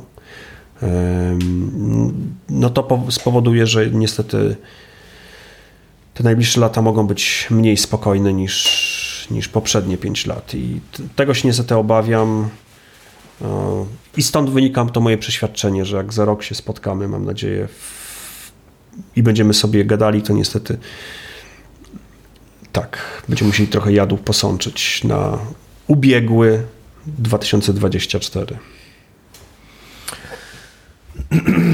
No tak, ja, ja bym tu jeszcze o jednej rzeczy chciał powiedzieć, e, smutnej bardzo E, bo ten rok e, też dla mnie osobiście bardzo intensywny, pracowity i taki obfitujący w dużo idei, dużo ludzi, dużo spotkań, na przykład, no, co zawsze bardzo sobie cenię i, i też e, niniejszym bardzo dziękuję wszystkim osobom, z którymi się miałem przyjemność spotkać w różnych miejscach w Polsce zresztą w tym minionym roku ale też yy, chciałem powiedzieć o tym, że, że jakoś smutno się dla mnie bardzo ten rok kończy, bo 13 grudnia w Berlinie zmarła Ewa Wanat. Wielka moim zdaniem postać polskich mediów czy świata medialnego. Niezwykle charyzmatyczna, nieszablonowa, w ogóle niewpisywalna w żaden znany mi schemat osoba. E, która też w dużym stopniu jakoś e, w ogóle na nas tutaj e, wpłynęła. W tym sensie, że to od niej dostałem kiedyś propozycję 10 lat temu, to było ponad, no już właściwie prawie 11, żeby robić audycję Niedziela Filozofów w radiu RDC, którego Ewa wtedy była dyrektorką programową. Mm, to był taki rzut e, mną wykonany na głęboką wodę w jej wydaniu, bo ja wcześniej w ogóle nie miałem żadnego radiowego doświadczenia. Ewa przeczytała moją książkę Potyczki z Freudem, e, którą w przyszłym roku zresztą wydawnictwo PWN wznawia. To od razu mogę Państwu też powiedzieć i Wam, że w kwietniu ma się ukazać nowe wydanie z nową przedmową, e, nad którą pracuję cały czas. W każdym razie Ewa tą książkę przeczytała, jakoś jej się ta książka spodobała, także z uwagi na jej wywrotowy charakter i, e, i, i no, po różnych tam spotkaniach, rozmowach e, taka propozycja padła. Dzięki temu ruszyła ta audycja we wrześniu 2013 roku i była rzeczywiście ewenementem wtedy totalnym. Cztery godziny gadania w niedzielę od 10 do 14 o filozofii. No wyście byli e, jednymi z e, stałych gości w tym programie. Też nasze znajomości osobiste się zadzierzgnęły, można powiedzieć, i, i dzięki temu jakoś rozwinęły. Dzięki tym spotkaniom radiowym i, i, i nieradiowym, właśnie też przy okazji tego wszystkiego. W każdym razie ja osobiście Wiewana bardzo dużo za, zawdzięczam ale też myślę, że jej e, polskie media i w ogóle Polska wiele zawdzięcza, bo ona stworzyła de facto Radio Tok FM w tej formule, która do dzisiaj pracuje, tą całą strukturę ramówki, ale też pewną filozofię radia mówionego w takiej formie, a nie innej, no to ona właśnie stworzyła. E, później e, Radio RDC, z którego została w okropny sposób, moim zdaniem, wyrzucona bezprawnie wygrała zresztą e, proces sądowy w sądzie pracy później, e, ale ona tam coś takiego zrobiła, co, co też chciałbym, już o tym mówiłem i pisałem w swoim o niej wspomnieniu w ramach felietonu dla Tygodnika Powszechnego. Po jej śmierci napisałem od razu ten felieton, ale, ale też chciałbym o tym tutaj powiedzieć. No, to znaczy, ona zrobiła coś niesamowitego tam w tym RDC. To była dla mnie osobiście taka lekcja przyzwoitości i niezależności, której nie zapomnę. Mianowicie w momencie, kiedy ówczesna prezeska radia postanowiła zdjąć z anteny arbitralnie, bo takiej się podobało, może pod wpływem pewnych nacisków, nie wiem, Elizę Michalik, no to Ewa Wanat, która sama Eliza tam zatrudniła i była osobą, która układała po prostu program i, i zapraszała ludzi do udziału w tym programie, bardzo twardo i pryncypialnie stanęła w obronie Elizy i e, podkreślała, że ta decyzja jest jej zdaniem decyzją arbitralną, ona się z nią nie zgadza, nie podjęłaby tej decyzji i tak dalej. Różne rzeczy tam po drodze się działy. W efekcie tego swojego pryncypialnego oporu czy obrony Elizy e, Ewa Wanat została wyrzucona z radia RDC. I tutaj stało się też coś, co E, też chciałbym powiedzieć. To znaczy, właściwie świat mediów w Polsce nie miał dla niej żadnej propozycji. Wypluł ją w jakimś sensie ten świat polskich mediów e, na, na aut, na margines. Uważam, że to jest e, coś, co bardzo źle o tym świecie mediów świadczy, że kogoś z taką wizją, z takimi zdolnościami i organizacyjnymi zdolnościami budowania pewnej właśnie filozofii, pomysłu, też przyciągania ludzi, umiejętności jakby dostrzegania w ludziach takich rzeczy, których ci ludzie często jeszcze nie widzą w sobie nawet, bo to była trochę jej specjalność, że ona potrafiła właśnie w człowieku zobaczyć coś, co, co, czego on sam jeszcze sobie do końca nie uświadamiał. No więc, że ktoś taki e, no, ląduje jakby poza właściwie e, obszarem, w którym jest e, niewątpliwie wybitnie kompetentny, no mam za jakiś rodzaj e, świadectwa degeneracji tego świata medialnego jednak w Polsce. E, no bo to była po prostu osoba niezależna, która nie dawała się łatwo zewnętrznie sterować, była nonkonformistką, też była osobą, która się nie wpisywała w te wszystkie polaryzacje, wojny plemienne, polityczne, próbowała poza to wychodzić. Zawsze jej taką ideą było budowanie pomostów raczej pomiędzy tymi zwaśnionymi stronami światami. Kiedy e, w 2015 roku straciła tę pracę w RDC, no to wyjechała do Berlina, zaczęła pisać. To był moment w ogóle zwrotu o 180 stopni w jej życiu, też w wieku, w którym rzadko kiedy człowiek jest zdolny do takich zwrotów. Ona umiała tak od nowa wszystko zacząć. Zaczęła pisać książki, e, wydała świetny zbiór reportaży o Niemczech Deutsche Nasz, za który zresztą dostała e, nagrodę Beaty Pawlak. Później napisała książkę Pieprzyć wstyd o historii rewolucji seksualnej na Zachodzie. Pracowała nad książką osobistym przewodnikiem po Berlinie, kiedy diagnoza w czerwcu tego roku e, ją, e, ją odnalazła, ta, ta upiorna diagnoza już choroby nie. No w zasadzie w takiej fazie, o której było wiadomo, że jest fazą końcową i że nic już się nie da zrobić. Ona mimo tego mm, dalej starała się jakoś funkcjonować, działać. Mm, no, straszna strata, moim zdaniem. Przedwczesna śmierć w takim gronie przyjaciół, e, w którym się czasem z Ewą spotykaliśmy, kiedy tutaj e, przyjeżdżała do Warszawy, mieliśmy taki, taką myśl, takie marzenie trochę, że może kiedy władza się zmieni w Polsce, to dla niej znowu się tutaj miejsce znajdzie w tym świecie mediów. Może gdzieś w tych właśnie mediach publicznych. Myślę, że ona by była świetną osobą do tego, żeby jakoś tutaj uczestniczyć w tym, w tym wszystkim. No nie znalazło się, y, nie dostała chyba żadnej propozycji, no też już było właściwie na to za późno, ale troszkę zdążyła się jeszcze wypowiedzieć o tym, że takie polityczne nominowanie wydaje jej się szefów mediów publicznych nie, nie do końca w porządku i że raczej widziałaby nie to, co dziś się dzieje w mediach publicznych, tylko raczej widziałaby no, próbę stworzenia takiej rzeczywiście apolitycznej opartej na konkursach, na merytoryce strefy mediów publicznych.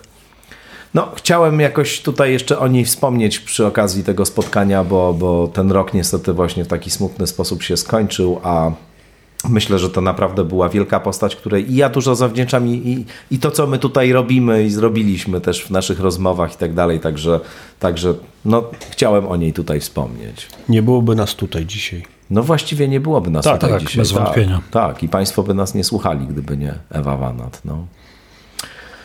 No dobrze, to wobec tego słuchajcie, jeszcze chyba pożyczymy w takim razie naszym słuchaczkom, słuchaczom tego, żeby jakoś w miarę spokojnie te święta przejść y, i żeby były, niezależnie od tego w jakiej denominacji się je świętuje albo i nie świętuje, jakimś takim czasem przynajmniej trochę wytchnienia, oddechu i tak dalej. No i rok, żeby chyba był po prostu trochę lepszy niż ten poprzedni, to już będzie dobrze chyba, nie?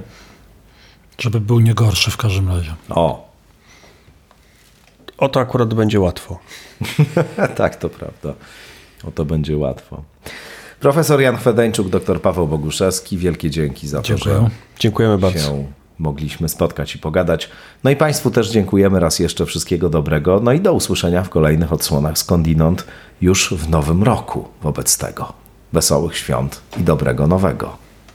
Do, do siego. Do siego. O, zapomniałem o tym pięknym zwrocie. Dosim. Dosim. Do siego roku.